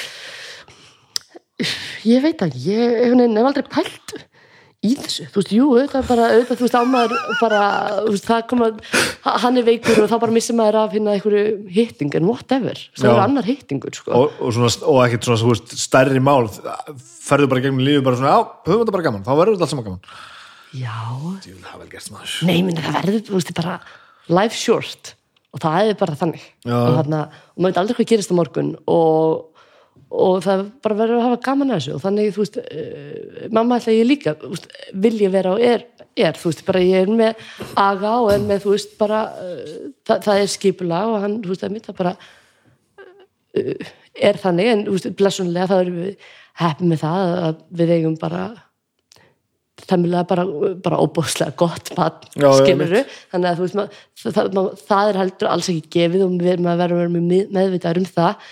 En uh, síðan verður já, þú veist, náttúrulega bara ég held að ábyggilega það að hafa mist pappa minn þegar ég var 18 ára, að það er líka bara kent mér ímislegt, þú veist, bara lífið er ekki gefið, sko, já, gerist það snögt eða? já. Mhm. Ég get alveg talað um það, sko, það er alltaf leið já, hvernig gerist það?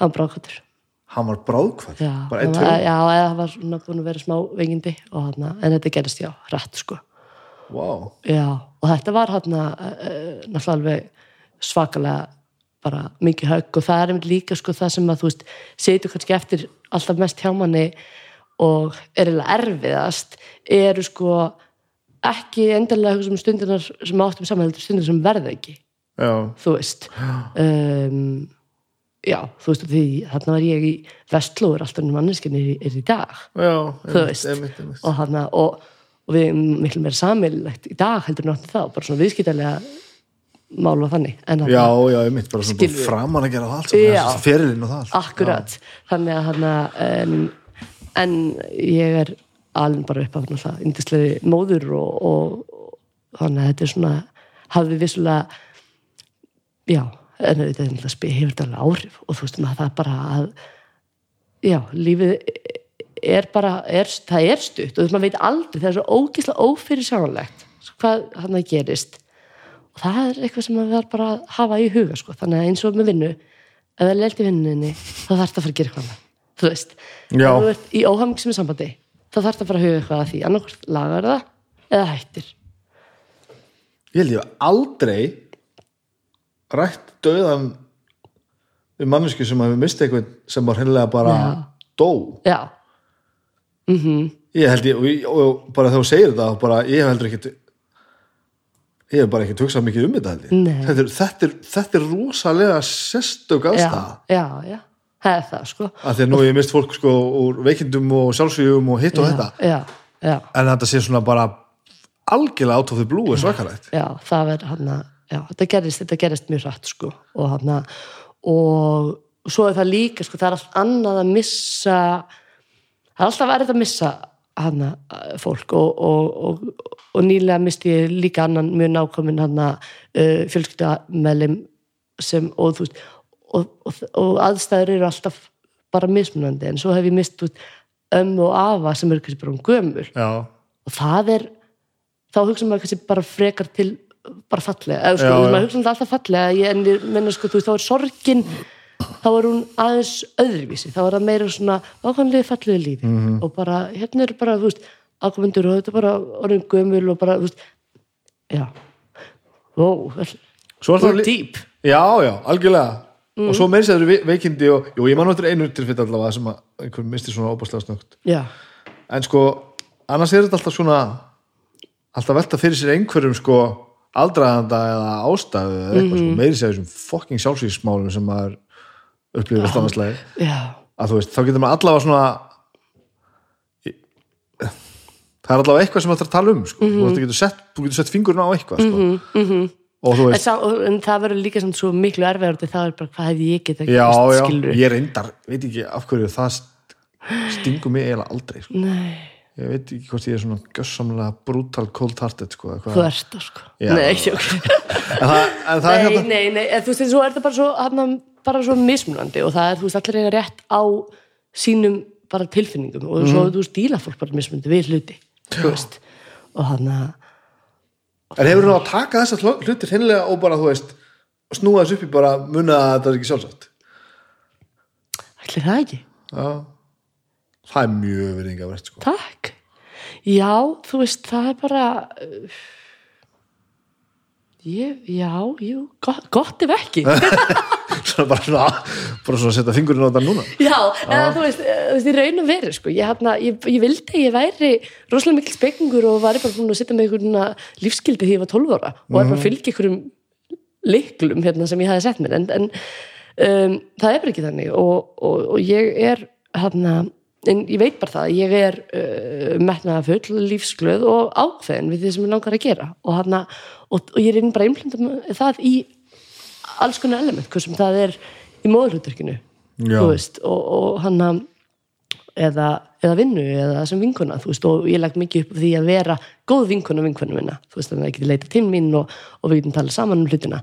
Hann að þetta er en, en, svo, en svo hafa allir skilning á því að það er bara mikið að gera hjá manni. Þú veist, það er, skil, þú veist, að það er mikið að gera hjá öllum. Og allir að kongi alls, alls konar sitt og ég vil alls ekki að koma þannig út að ég sé bara eitthvað polli annar fríða hérna bara í, og allt sé alltaf happy go lucky. Þú veist, auðvitað, auðvitað er er maður óörugur og er maður, þú veist, veit ekki alveg pyrraður og, og eitthvað þannig. En ég minna svo, það er bara ég veit ekki, svo, svo fyndið. Svo er maður svona, og á föstudaginn var ég ógislega pyrruður einmáli bara, svo í dag þá sé ég að það skipta yngum máli já, þú nær því já, veist. þetta er, þetta er virðingavert sko. þetta er bara, þú veist, ég, og ég fæ bara svona af hverju var ég að láta eitthvað svona fara svona ógæðslega mikið í tauganur á mér og bara, og þetta hafði svona bara, ég var í hálftíma, eða klukkutíma bara ill yfir þessu, eða svona, þú veist, svona uh, eða þetta fyrir tauganur á mér og ég, ég rætti það, veist, við kærastin minn og, og eitthvað svona,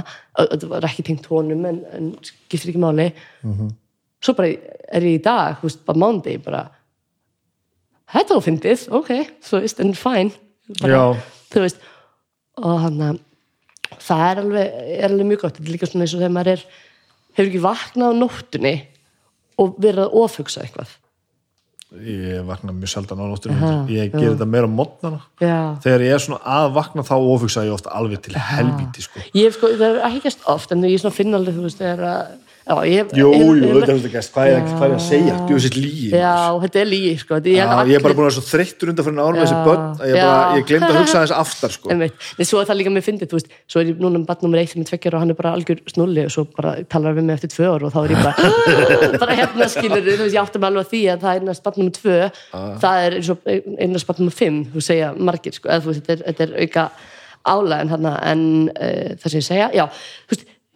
eða já, upplega það að vera kannski að vakna á nóttunni og ég bara ofhugsa hluti eitthvað svona litla hluti. Og, og þetta gerist ekki oft en þegar þetta gerist og svo vaknar maður og maður bara ok, hvað dramatísk er þetta? Já, þetta já. er ekkert mál.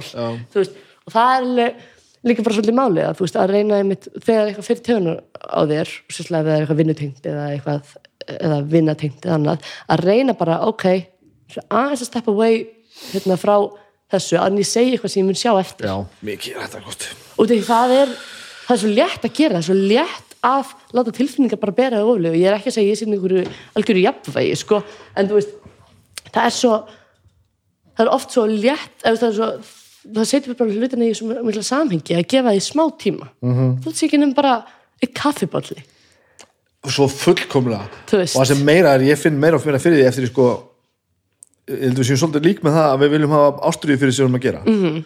og þegar ég er til dæmis í hljómsveit Já. þá skiptir það með öllu máli sko. Ég er ekki að plötu og þetta, þetta var að vera fucking besta plata sem hefur gerð sko. og eins er þetta í vinnunni Já. og, og verður meira og meira eftir því sem árin liða ég vil bara gera besta verkefni sem hefur já, og þegar ástriðarinn er svo mikil og eitthvað kemur upp eðlilega, einhver vil hafa hlutin eitthvað aðeins að þá, það- þá er hættan orðin meiri á því að maður fara þú veist, að láta, láta eitthvað fara í töðunar á sér og Já. segja eitthvað að gera eitthvað sem að þú veist gemmi fyrir öllu saman sko. algjörlega sko veist. þetta er svona svona, svona tvíegja sverð sko, að að- að var eiginlega svona auðveldra að vera bara meira bara sama um þetta. Já, það er algjörlega mann bara, þú veist ignar spliss og allt það sko, veist Já, er og, og líka bara vera já, einmitt, þetta er svona ágislega fín lína þú veist, að vera passionandi fyrir ykkur og líka vera alveg saman mm þú veist, þetta er og, og veist, það er ekkert eitthvað eitt rétt ég hef líka alveg tekið æðiskast og vera óslega pyrruð og, og, og, ég er ekkert eitthvað alltaf eitthvað, já ég heyri það sem hún segir ég skil hvað hún meinar. Eitthvað skil, ég er ekkert eitthvað, þú veist, ég er ekki svona en ég er bara svona að ég veit það ekki, þú veist erum við að rífast yfir þessu, þú skiptir þetta raunverulegu máli, þetta er stund, sumur yfirleitt skipta alveg máli, Já. og skipta sköpum. Það er alveg, þannig, en þú veist ef þetta er eitthvað svona ég veit ekki, ef ég, hvað ég taka dæmi vinnu tengt, þú veist, bara leturgerð eða whatever, já, já, einmitt. Já, það er frasi sem ég reyni að nota mjög reglulega er, þú veist, í vinnunni á mér þú veist, þetta eru bara fucking auglýsingar já, bara þess að minna mig á allt. Mhm. þú veist, passjónin sem að brennur innan, innan mm. mér, sko, Já. þó að það fari einn einslátt að villa í blaði, sko það deyr enginn, Mhm. Nei, enginn. enginn, Enginn. Og bara, en veist- það er ekki þar með samt að mér ætla að vera saman það nei, sammála og ég er alveg þær, það er fara út auðlýsingar frá hana, uh, sem ég stend fyrir og það eru einslutavillir eða, eða villustaksinning eða eitthvað þannig og ég manni mikla alveg fyrir mér bara, oh fuck en svo bara, æ, whatever þú veist uh, bara manna næst, eða skilur þá bara, þá bara passa ég þetta og lesi ekstra vel næst yfir. En þú veist, mér finnst samt alveg sko, eins og með tala um auglýsingar, mér finnst finnst ógislega gaman að vinna í ríkara mér finnst ótrúlega gaman að, að geta búið til veist, það er einmitt svona, þú veist, kreatív ég er ekki búið til neitt. Ég er með öllu talentless í, í öllu creative, en ég er með hugmyndir þú veist, ég og, og ég hef teiknað upp fyrir bara ég er spöð svona. Og það er bara eitthvað óli prigg, þú veist.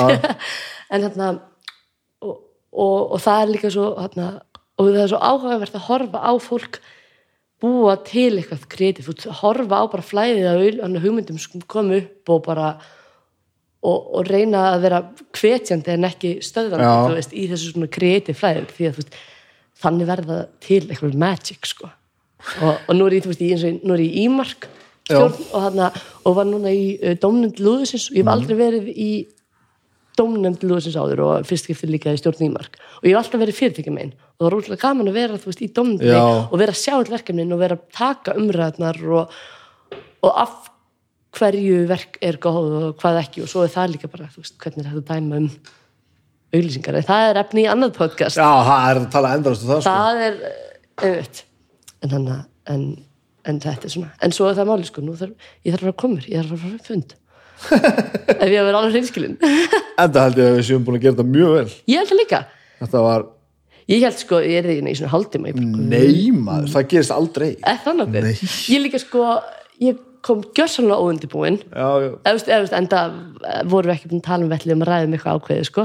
Enda fer ég aldrei inn í þetta svo Nei, ég, ég elska að þeim byrja frá því að ég drekka ekki kók yfir í bara yfir í bara fjölskyldumissi og allt þar á milli en sko. þetta komið bara svolítið aðeins sem að tölum við maður þú veist að, að hérna að að ég er bara að að tala um fólk sem að hefur eitthvað að segja sko. Já, þú veist, þetta er ekki spurning um sko, hvað það kemur eða hvað þú ert að gera í lífinu sko. Ég vil bara að þetta sé ég, ég held að partur að, að, að þessi þáttu gengur svona vel að það ég er Mhm. bara, og ég er svona og ég er alveg löngum tíma að pæla í hver á að, að, að koma sko. Já, en stundu koma svona moment eins og gerist bara hjá okkur um Já. helgina sem einhver sagði bara, þarf ekki að taka viðtal um hann og ég Já. bara, jú, ég þarf að gera það. Ég bara, alright og það kom þetta típiska bara talaðu við með morgun þegar við erum bæði edru hei, ekki þetta. Nei, ég menna þú veist bara geggjað sko og, og ég bara þakka í kella þetta var líka bara gre- eh, gott svona reflection á sjálf mig sko, ég bara, já, rindar þegar þú segir það. Eitthvað svona. Að en ég þarf bara að það fyrir eitthvað svona sálfrækast takk fyrir að tala um mig. Var takk kella fyrir mig.